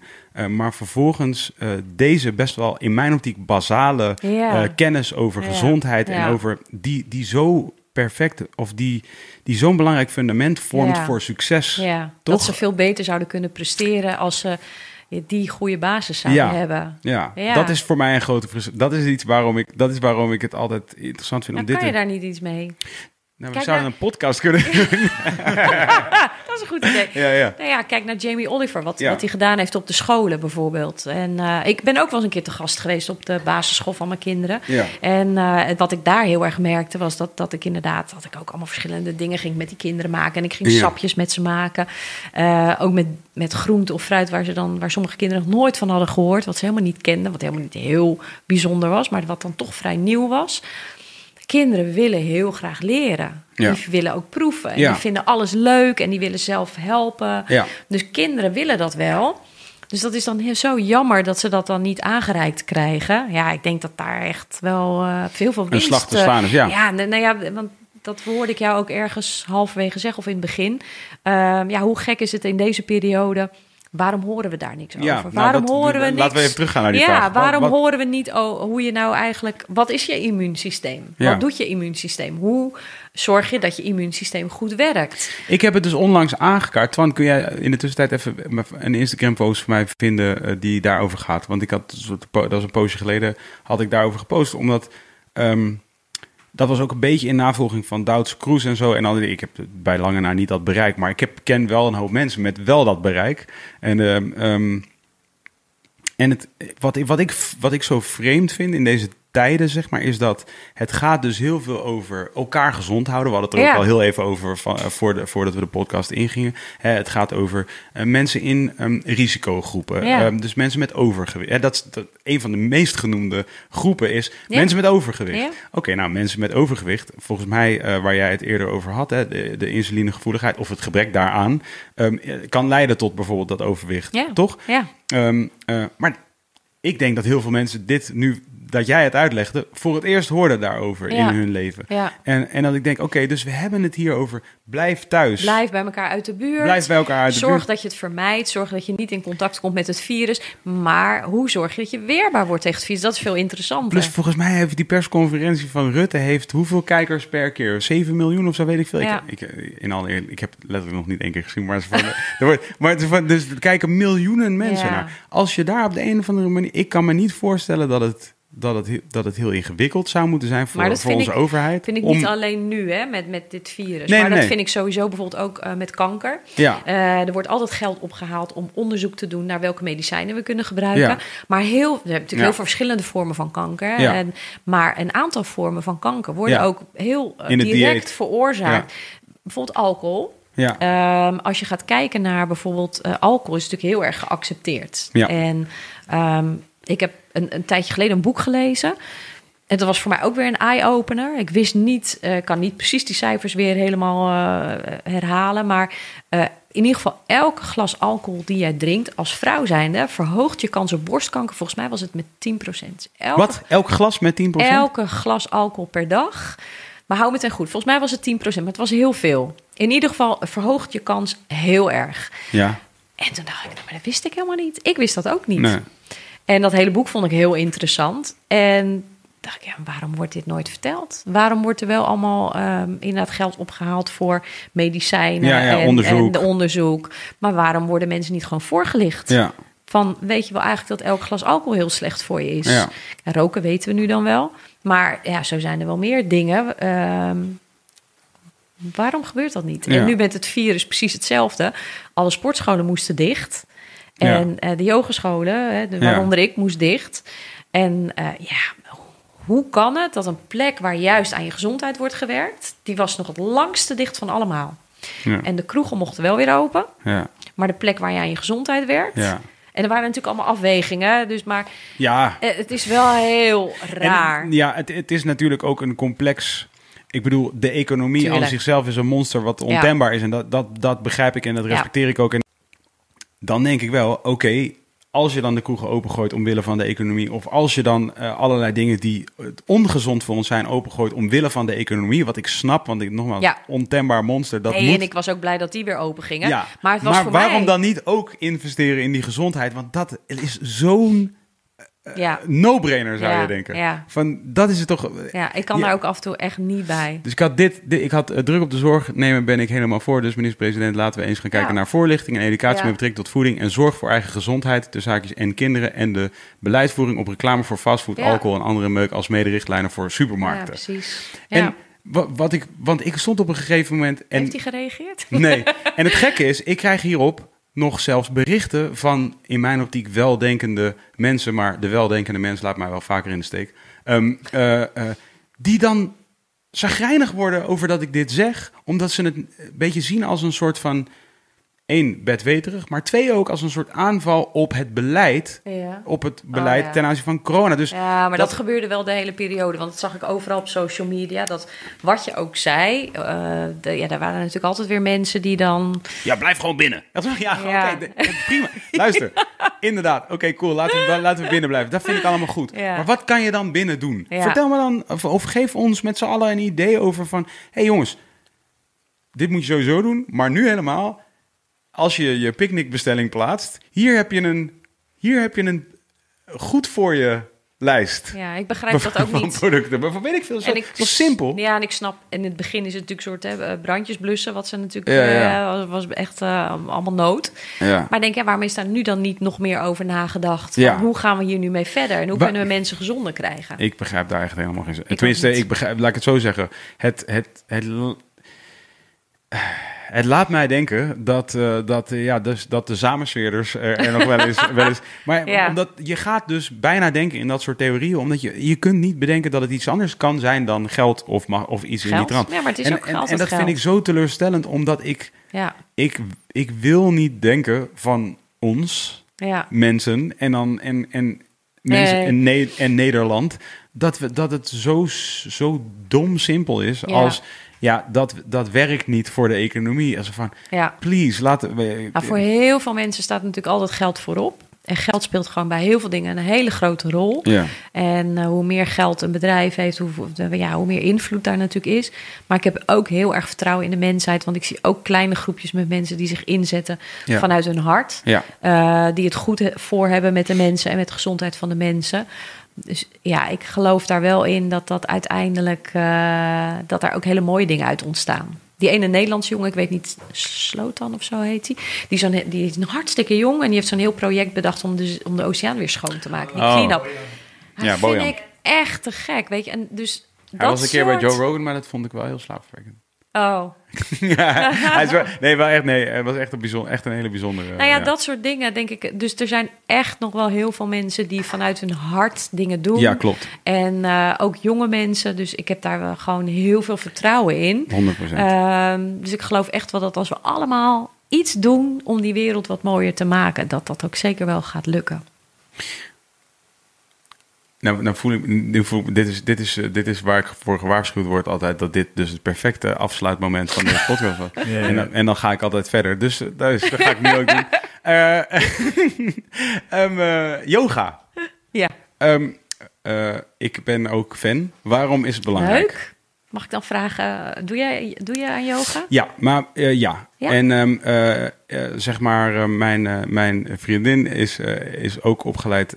nou, zij heeft yoga-docent. Ja, Leuk. wel zeg maar in een zo'n in zo'n eerste soort fase daarvan. Maar Jenger yoga doet zij. Ja. Dus dat, dat doen we ook. Oh, leuk. ook Dat doe jij dan ook, ja.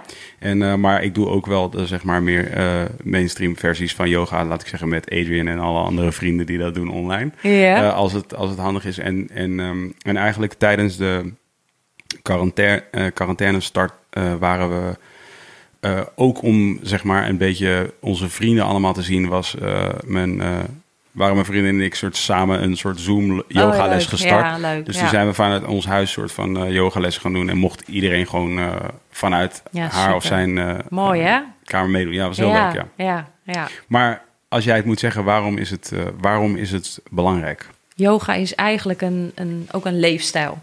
Dus eh, yoga wordt natuurlijk in het Westen heel vaak gezien als de lichamelijke oefening, maar dat is maar een heel klein onderdeel. En yoga heeft ook te maken met ehm, je mindset, eh, mediteren, tot rust komen. Hoe ga je met andere mensen om? Er zijn heel veel leefregels eigenlijk in de yoga. En dat weten mensen vaak helemaal niet. Nee. Dat eigenlijk al die lichamelijke houdingen Ja. zijn eh, ooit ontstaan, zodat Ja. je langer kon zitten om te mediteren. Ja. Dus eigenlijk. eh, Yoga wordt, als je het hebt over cultural appropriation, yoga is wel echt een van de meest geappropriate cultures. Ja, ever. Ja. ja, omdat het is echt gehaald uit die een soort meer spirituele spiritualiteit en vervolgens naar een soort van lichaamsbeweging, Ja. terwijl het natuurlijk veel meer is dan dat. Ja. Ja, en ehm, dat is ook prima, want daar kan je heel veel uithalen. Mensen Ja. hebben er heel veel baat bij. Ja. Voor hun rug, voor hun balans, maar ook tot rust te komen. Voor hun adem. Ja, het- weet je, het doet zoveel met je. Je hebt zoveel verschillende vormen. Maar ik zie altijd weer hele mooie dingen gebeuren in de studio. Met, met verschillende vormen van yoga. Ik merk wel dat er heel veel behoefte is aan de yin-yoga, aan de yin-kant, meer de rustgevende, de Ja. meditatieve kant. Omdat mensen al zoveel indrukken en drukte hebben eh, in hun leven en Ja. in de maatschappij, dat daar heel veel behoefte aan is, aan Ja. die stilte zoeken. En nou ja, dat, daar is yoga ook heel erg geschikt voor. Maar je hebt ook de hele actieve vormen waarin je je lichaam heel sterk maakt. En Ja. Ja, ja. Want bijvoorbeeld dus Iyengar yoga, dat, en dat is altijd moeilijk om uit te leggen aan mensen die er echt helemaal, die daar dan helemaal geen beeld van kunnen krijgen. Maar dat is best een strenge vorm bijvoorbeeld. Ja. En de, de docenten waar we dat dan eh, wel eens doen, die is ook echt eh, heel, die is ja, best wel behoorlijk streng. Wat meer doet denken aan een, Ja. eh, aan een personal trainer bijna dan, een, dan je klassieke, nou, Ja. en rustig Ja, ja, ja. Want dat denken mensen heel vaak. Oh, dan ga ik even rustig liggen. Dat heb je ook. Maar je hebt ook, eh, nou ja, de, de, maar ook de Ashtanga en de Bikram. Ja. En eh, Ja, dat is gewoon keihard werken. En dan vergissen mensen zich in, want dan komen ze in een les en denken ze, oh, lekker ontspannen. Het is gewoon keihard werken. ja. Oh, nou wilde ik, eh, ben ik weer vergeten wat ik wilde zeggen. Wat wilde ik zeggen, Twan? Ik heb het idee dat jij weet wat ik wilde zeggen. Over Ja, jij wilde gewoon even een so- soort korte samenvatting van waarom yoga goed voor je is en hoe, hoe je daar makkelijk aan kan beginnen. Mhm. En daar waar je ook nog om af te sluiten, wilde je gewoon nog een soort globale, snelle 10 tips in twee minuten. Ja, dat wil ik sowieso. Dat Tien. wil ik sowieso. Dat gaan we doen. Zes gaan we dat doen. Oké, cool. Maar, eh, maar wat ik wel, nee, wat ik over yoga wilde zeggen, want nu krijg je natuurlijk. eh, ja, ik ben veel te druk in mijn hoofd voor yoga. Ja, of ik ben niet flexibel genoeg voor yoga. Oh ja. dat, hoor ik ook heel vaak. Ja, maar ik ben niet lenig. Of, Ja. ja. dan moet je het juist doen.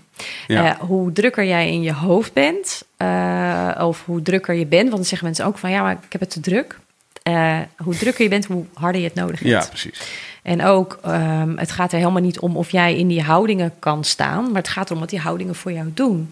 En als jij juist helemaal niet flexibel bent, dan kan je er juist heel veel uithalen. Dus dan kan je juist nog veel meer lengte en ruimte ehm, krijgen door die houdingen.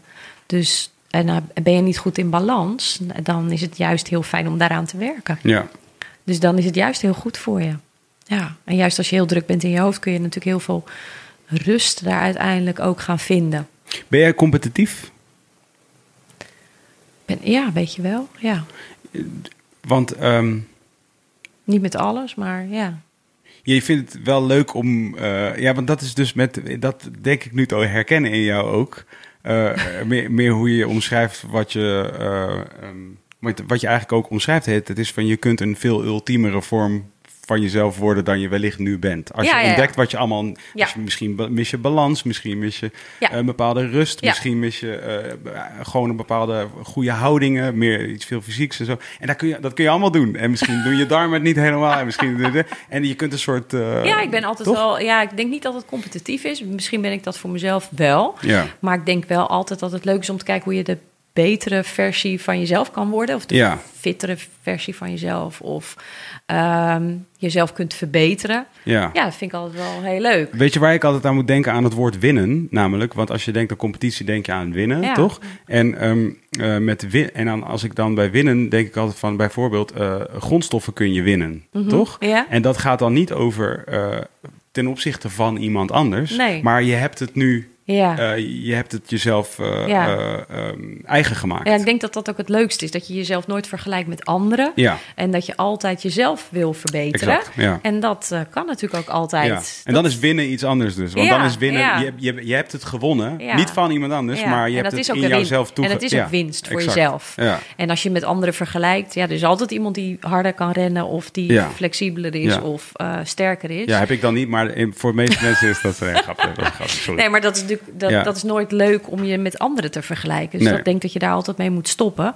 Dus het is altijd mooi om, om naar jezelf te kijken. Van ja, hoe kan ik mezelf nog verbeteren? Ja. Ja, En dan nu, de zes tips ter afsluiting. voor de broodjes. Voor alle mensen die het, eh, mij, die, ja. het hebben gevol- die, het hebben, die het hebben volgehouden door alle confrontaties die ze hebben meegemaakt in deze afgelopen anderhalf Oh, jee. uur. Oh ja, I suck. Oh, oh, oh. Alle mensen die hun milkshake nu net aan de kant hebben gezet. Oké, de, de, de zes tips voor eh, mensen die luisteren naar Wilde Haren, de podcast. En morgen willen, willen beginnen aan, een, eh, aan, een, eh, aan de verbeterde versie van zichzelf. Ja, Wat zou jij zeggen? Waar, waar, Nou, nummer één, zorg dat je goed slaapt. Zorg dat je ehm, eh, in je bioritme, dat je goed naar je bioritme luistert. Ja, Eh, dus wat- doe overdag wat je normaal... Wat, ja, wat de, overdag, dingen. overdag de actieve dingen en s'avonds wat wij nu doen is eigenlijk hartstikke slecht. En nu is het, nu is het eigenlijk Ja, Is het niet meer overdag? Wow. En we zitten in het felle licht. En, eh, of wat mensen natuurlijk nog vaak doen, op de telefoon kijken, dat blauwe licht van een computerscherm. Dat, daar gaan ook heel veel mensen de fout mee in. Dat geeft allemaal jouw lichaam het seintje. Maakt het uit of je die geel lichtfunctie op je telefoon zet? Ja, Oh, zeker. dat je kan uit. blauwe lichten uitfilteren. Dat doe ik Ja. met mijn computer Dus ook. dat is wel echt legit. Dat ja, is, ja, ja, ja. Dat vind ik echt een hele mooie, mooie tool om te doen. Ik zit ook s'avonds nog op mijn computer, maar daar heb ik wel het blauwe licht eruit. Je hebt zo'n gratis app die je kan downloaden, Flux. En eh, dat zorgt ervoor dat je lichaam tot rust komt. Wat jij ook zei, als je heel druk nog zit te praten met een podcast, dan ben je helemaal nog hyperactief. En dat is helemaal niet erg, weet je. Of als Nee. je een keertje uitgaat. Of, eh, maar dat moet je niet elke dag doen. Ja, dus als je, als, als je zo, als ik zo Als meteen je dit- thuis kom, steek de kaarsen aan, zet de Ja. grote lichten uit. Ja. eh, zet heb je nog een, een gezellig gesprek met je vriendin. Als je iets aanzet, als het muziek is of wat, dan zet het niet te Ja, hard. ja, eh, en rust. dat soort dingen. Precies, ja, dat is precies wat jij zegt. En eh, ja, je wil, Drink de juiste thee. ja, geen Toch? cola, Er zit geen suiker in deze cola. er zit echt geen suiker in deze maar wel cola. cafeïne misschien. Dat wel, ja. ja. Ja, daar ga je al. Ik heb niet zoveel slaap nodig. oh, shit. Nee, ja, misschien slaap je Eh, heel lang ik ben heel druk. Misschien, Nee, heb, wacht, nee, misschien eh, heb je gewoon een heel ander ritme. Dat Nee, kan nee, nee, ook. helemaal niet. Dus, nee, helemaal eh, niet. nee, je wil, dat, is, dat is belangrijk. Ik zei nog, Twan, niet, deze aflevering geen cola. Ehm, dus ja, dat, dat is wel... een keizerbroodje eten. Nee, ook niet. Oh, nee. Dus je lichaam wel ehm, die rust geven. De Ja. balans vinden tussen activiteit en rust. Dat, dat is heel belangrijk. Ehm dat waren al drie tips Dat was volgens één. mij. Oh, sorry. Dat is slapen alleen. toch? Slapen was Ja, alleen ja. slapen. Ja, sorry, ik heb wel allemaal dingen... eh, dat niet de schuld. hele dag door eten. Dus niet, eh, daar gaat mijn boek Intermittent Fasting natuurlijk over. Shit, dat hebben we helemaal niet gehad. De volgende podcast. Ja, graag. De, ehm, we denken natuurlijk vaak, oké, als we wakker worden moeten we eten. Dan moeten we een tussendoortje eten. En dan gaan we weer lunchen. En dan gaan we nog een keer. En dan s'avonds gaan we ook nog wat eten. We zijn eigenlijk dan de hele dag door aan het eten. En je lichaam moet ook daar af en toe rust in krijgen. Ook die darmen, ook je immuunsysteem. Elke keer dat jij iets eet of iets drinkt, zoals sap of cola of koffie, is ook weer, moet je immuunsysteem weer aan. Dus dat wil je ook voorkomen. Dus die wil je ook af en toe gewoon tot rust brengen. Ehm, en er zijn nog heel veel redenen waarom dat beter is. Maar af en toe ook gewoon een aantal uren niet eten. Dus bijvoorbeeld, je eet tussen 12 en 8, noem maar wat. 12 uur 's middags en 8 uur 's avonds. Of tussen 9 en 6. Maar dan eet je ook heel veel uren niet. En dat doe je eigenlijk al als je slaapt. Maar ook de uren daaromheen wil je dat doen. Dat is gewoon heel gezond. Heel, heel kort uitgelegd. Zorg dat je veel beweegt. Je hebt eh, de Blue Zones, heb je daar wel eens van gehoord? Mhm. Dat vind ik heel interessant. Hebben ze gekeken naar verschillende delen in de wereld waar mensen Ja. oud, gezond oud worden. Ja. Dat is heel belangrijk, Ik gezond ben het oud boek worden. Ikigai aan het lezen wat gaat over... Ja. Dat is super tof. Wat is de overeenkomst tussen al die groepen mensen? Ehm, waarom ze dus actief, gezond. Dat is één daarvan is blijf actief. En je hoeft geen marathon te lopen. En je hoeft niet zwaar gewicht te heffen of crossfit te doen. Of, eh, het is allemaal leuk als je het leuk vindt. Maar gewoon simpele beweging. En dan zagen ze de geitenhoeders in, in Griekenland. Ja, die zijn hun geit aan het hoeden door de bergen. Of de mensen in Japan, dat is dan ook zo'n blue zone, die eh, zijn aan het tuinieren. Dus het hoeft helemaal niet heel ingewikkeld of heel intensief te zijn. Gewoon simpel in je Ja. tuin of wandelen. Dat niet de hele dag stilzitten. Stilzitten is heel slecht. Ja, Dus ga elk half uur staan. ja. Dat is ook een hele belangrijke. Stilzitten is echt heel slecht voor je. Nou, je vriendin had gelijk veel water drinken. Alsjeblieft.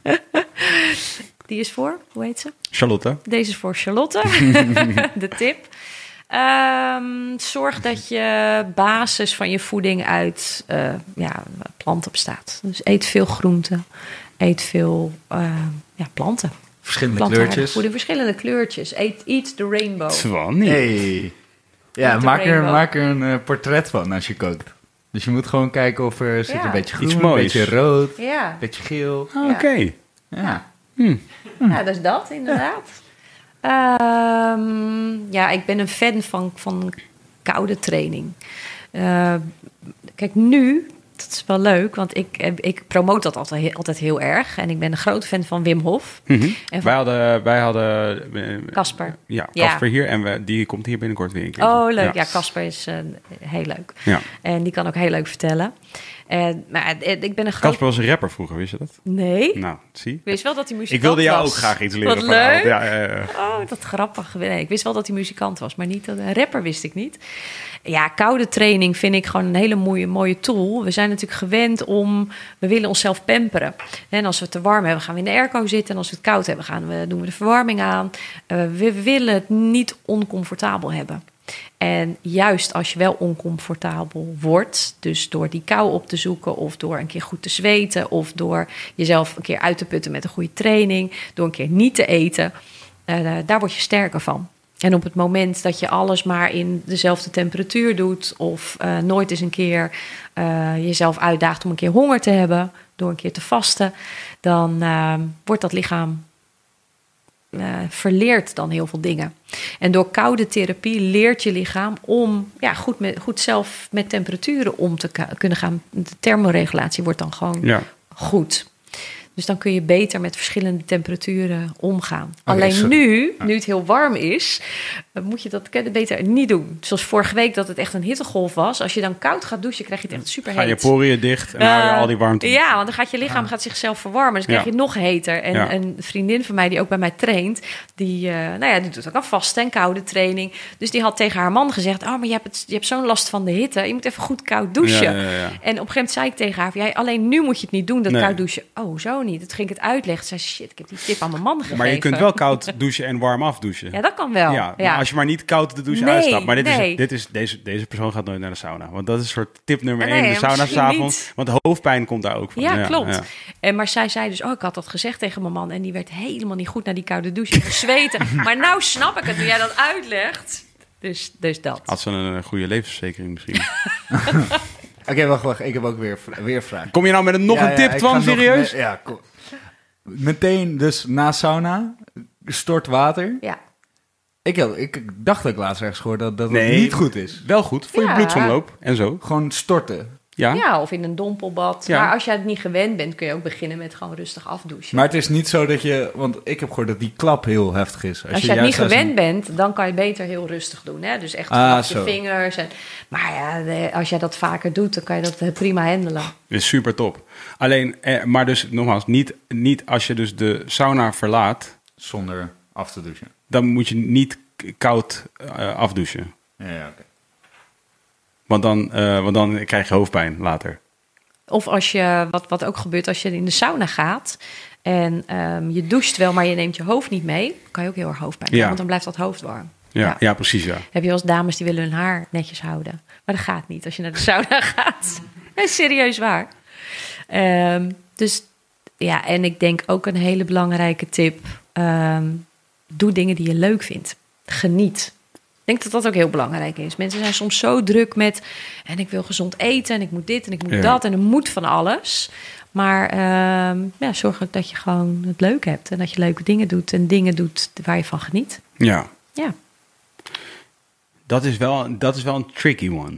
Ja. Want, toch? Want in Ja, de dingen die je leuk dat- vindt, daar kunnen ook hele giftige dingen tussen Ja, zitten. ja, ja, want dat is natuurlijk heel vaak een excuus die mensen dan gebruiken over het gezond eten. Pizza, ja. Ja, nee, maar dat ze dan zeggen, ja, maar je moet wel kunnen blijven genieten. Ja, precies. Ja, dan denk ik, ja, eh, Ja, dat, dat, ja oké. Ehm, je, je moet wel af en toe lekker dingen doen als je daarvan geniet. Die Ja, niet ja. zo gezond zijn, maar het moet wel in balans zijn. Ik, blijf, ik verblijf nu eh, tijdelijk op een eh, eh, vakantiepark, omdat mijn, mijn huis wordt verbouwd. Oh. Dus ik woon, woon een tijdje ergens anders.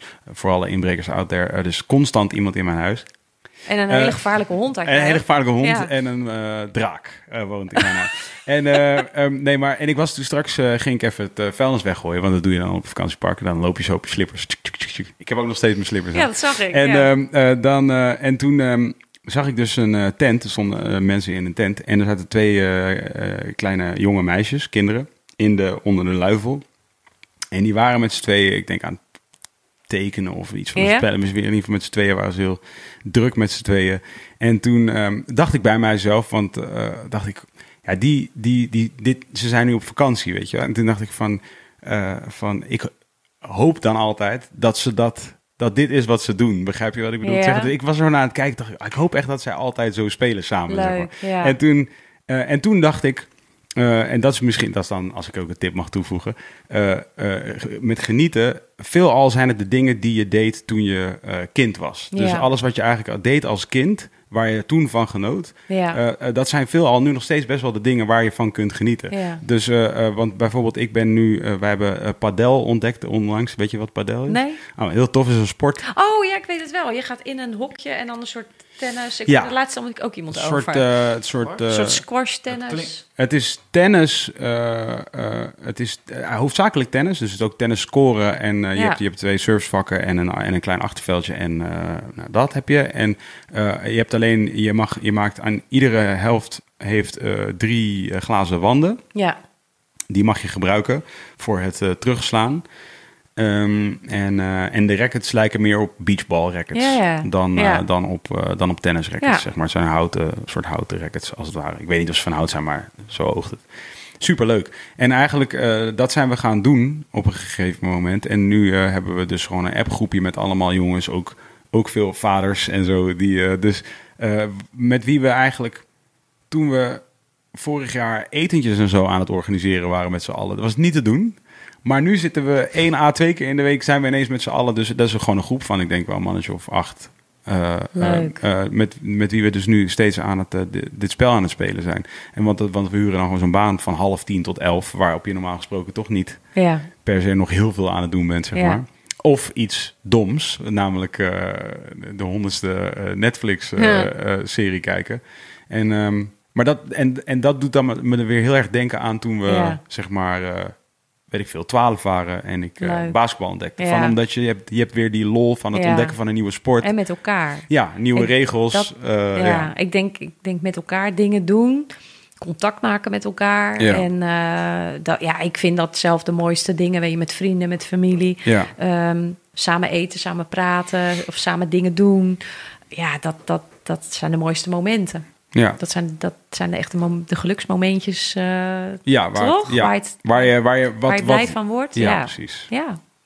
Nou, on that note, dankjewel Twan. Dat was, dat was, een goede, was inderdaad een goede afsluiting. Ja? Ja, Ja. wel hè? Ja. Ja. dankjewel voor het komen. ja, ik vond het heel erg leuk. Ik ook. En Ja. ehm, ehm, nou, er zijn allemaal boeken van jou, toch? Die, Ja. eh, die mensen kunnen, kunnen... Is er een specifiek... Heb je een, heb je een plek waar mensen heen kunnen voor alles wat jij Ehm, aanbiedt?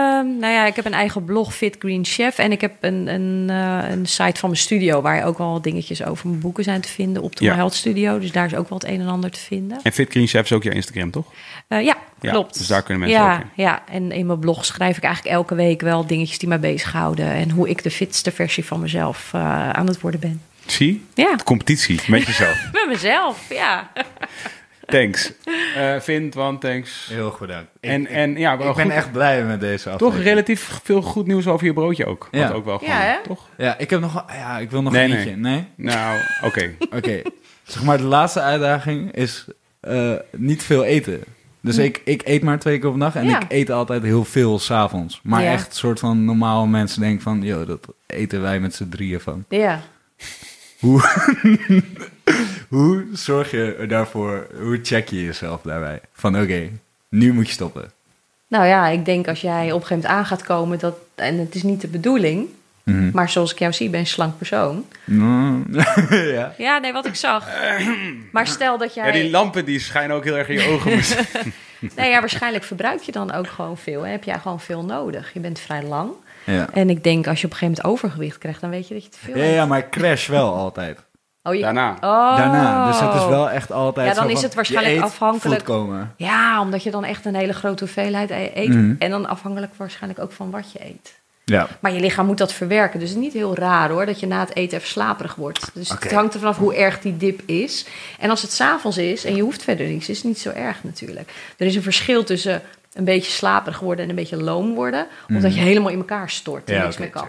Maar je kunt natuurlijk wel in twee eetbeurten zeg maar 7000 calorieën eten. eh, die je, en, en, in drie, en in vijf eetbeurten 2000 calorieën Ja. eten. Ja, dus het is, ik bedoel, Ja. je- je- je- laat ik zo zeggen, ik ben geen expert, maar, eh, zeg maar dat is natuurlijk wel een keer raadzaam om te checken, toch? Wat je nou precies echt Ja, kan je naar binnen natuurlijk, werkt. maar dat kan je heel makkelijk op een app ook bijhouden. Ja, ja, Dus ja. en dan kan je ook een keer natuurlijk iemand naar laten kijken.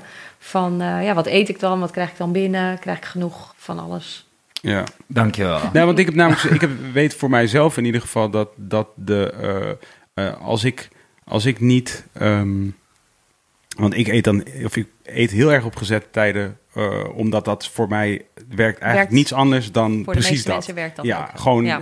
er bijna op klokslag. Ja. Dus, eh, nou, en dat inderdaad in combinatie met sport en zo. Dus, dus oké, dus je neemt, weet ik veel, je eiwit shaky en dan Ja. dus om zo laat en dan doe ik dat zo en dan eet ik, eet ik groente, een bak met groente om, eh, om... En dat scheelt voor mij wel heel veel trouwens. En dat is dus denk ik ook wel een tip voor anyone out there. Is als je dus op het moment dat je gaat, gaat beslissen wat je gaat eten en, eh, in de avond... Mm. dat eigenlijk op het moment terwijl je dat aan het doen bent... is het, doe ik altijd op dat moment nog wat groente eten. Dus op het moment dat ik aan het nadenken ben over wat ik wil eten Oh, daarna... ga ik even gewoon wat wortels Oh, eten wat of wat andere... Ja. Om, om die eerste soort de dommigheid er even af te halen. Oh, wat goed. Begrijp je wat ik Ja, ik bedoel? snap helemaal wat je bedoelt. Dus zeg maar, Ja. en dat helpt echt heel goed. Ja, Dus dat je, want je hebt dan iets in je buik zitten ja. en dan... eh, Eigenlijk wat ik bij mijn kinderen deed toen ze klein waren. Als ik aan het stond te koken, dan hadden zij al honger. En dan gingen ze kastjes opentrekken en dan gaf ik ze rauwkost. ja, ja, toch? Ja. Van, het is wel, En, en, die is en- de eerste honger is weg. En wat ze natuurlijk ook zeggen, niet naar een supermarkt gaan als, Als je, eigenlijk onwijs honger hebt. ja, Eh, ja, dat voorkom je natuurlijk dat je dan de verkeerde keuzes maakt. ja. Ja. en dan is het ook weer een kwestie, maar dat, dat zijn een beetje soort, voor mij de, de gebruikelijke. Maar op dat moment dus ook zorgen dat je dan niet dus eh, een kastje kunt opentrekken Nee. waar, waar onbeperkt M&M's in Nee, staan. dat is dus een maar dat je een kastje opentrekt waar Ja. onbeperkt wortels En in dat is dus ook een beetje plannen, inderdaad. En zorgen Ja. dat je in huis hebt wat je dan wil maken. Ja. Want als je op het moment iets moet gaan maken en je hebt niks in huis... op het moment dat je echt wil, wat wil eten... dan gaat dat meestal niet goed komen. Ja, ja. En een basislijst, een basislijst aan groenten die je lekker vindt op je boodschappenlijstje zetten. Mm. Waardoor je weet dat je dat eigenlijk altijd hebt. Ja, Dus bijvoorbeeld komkommer, en ik, specifiek wortelen, komkommer, paprika vind ik altijd, altijd chill om te hebben. ja, het is gewoon lekker als je dat altijd in huis hebt. Want dan En- heb je altijd een snack die je kunt pakken. Ja, en wat ik ook altijd heb... ik heb altijd eh diepvriesfruit in mijn vriezer. Ja, blauwe En, bessen. eh, ja, ja. en dan kan ik altijd... eh, ik, ik maak heel veel s'morgens al met, met groenten ook erin. ja. Maar ook met diepvriesfruit. Want dan heb je altijd inderdaad eh, waar je iets lekkers mee kan maken. Ja. Dan doe ik proteïnepoeder doorheen. Dat zijn een beetje de standaard dingen die ik in mijn keukenkastje heb staan. Dus Ja. dan kan ik altijd zoiets maken. Ja. Ik heb helemaal zin in. Morgenochtend even gym. Oké dan, Twan. Oh, Jongens, dankjewel. Jij gaat, jij gaat ook de fitste versie van jezelf worden. Zeker. Twanny. Oh, baf. Dank jullie wel allemaal. Dit was Wilde Aarde Podcast. Peace. Yes, ladies and gentle people, thank you for listening to the revolution once again. Um, jullie weten het, gezondheid staat voorop. Regel je shit, zodat jij gezond kunt zijn en daarmee ook een gezond persoon bent voor alle andere mensen. En nu we het toch hebben over gezondheid, ga even naar petje.af slash wilde haren, zodat eh, Twan kan werken aan zijn gezondheid, eindelijk. Support ons met een kleine donatie of met een hele grote, whatever suits you best. Ehm, daar zijn we enorm mee geholpen. Wat je ook kunt doen, is op dezelfde pagina, petje.af slash wilde haren, gaan naar de eh, shop area. En daar eh, kun jij eh verschillende artikelen van ons kopen met eh, wilde haren merchandise. Heb ik het over merchandise van wilde haren, de podcast. Ehm, doe dat dus. Petje.af slash wilde haren. Of support ons door ons te volgen op de socials. Dit kan ook allebei trouwens. Dit is niet eh, mutual exclusive. Dus ehm, ja, doe dat allebei. Of is het juist wel mutual exclusive? Ik weet niet precies wat mutual exclusive betekent. Dankjewel voor het luisteren. Wilde Haren podcast. Peace.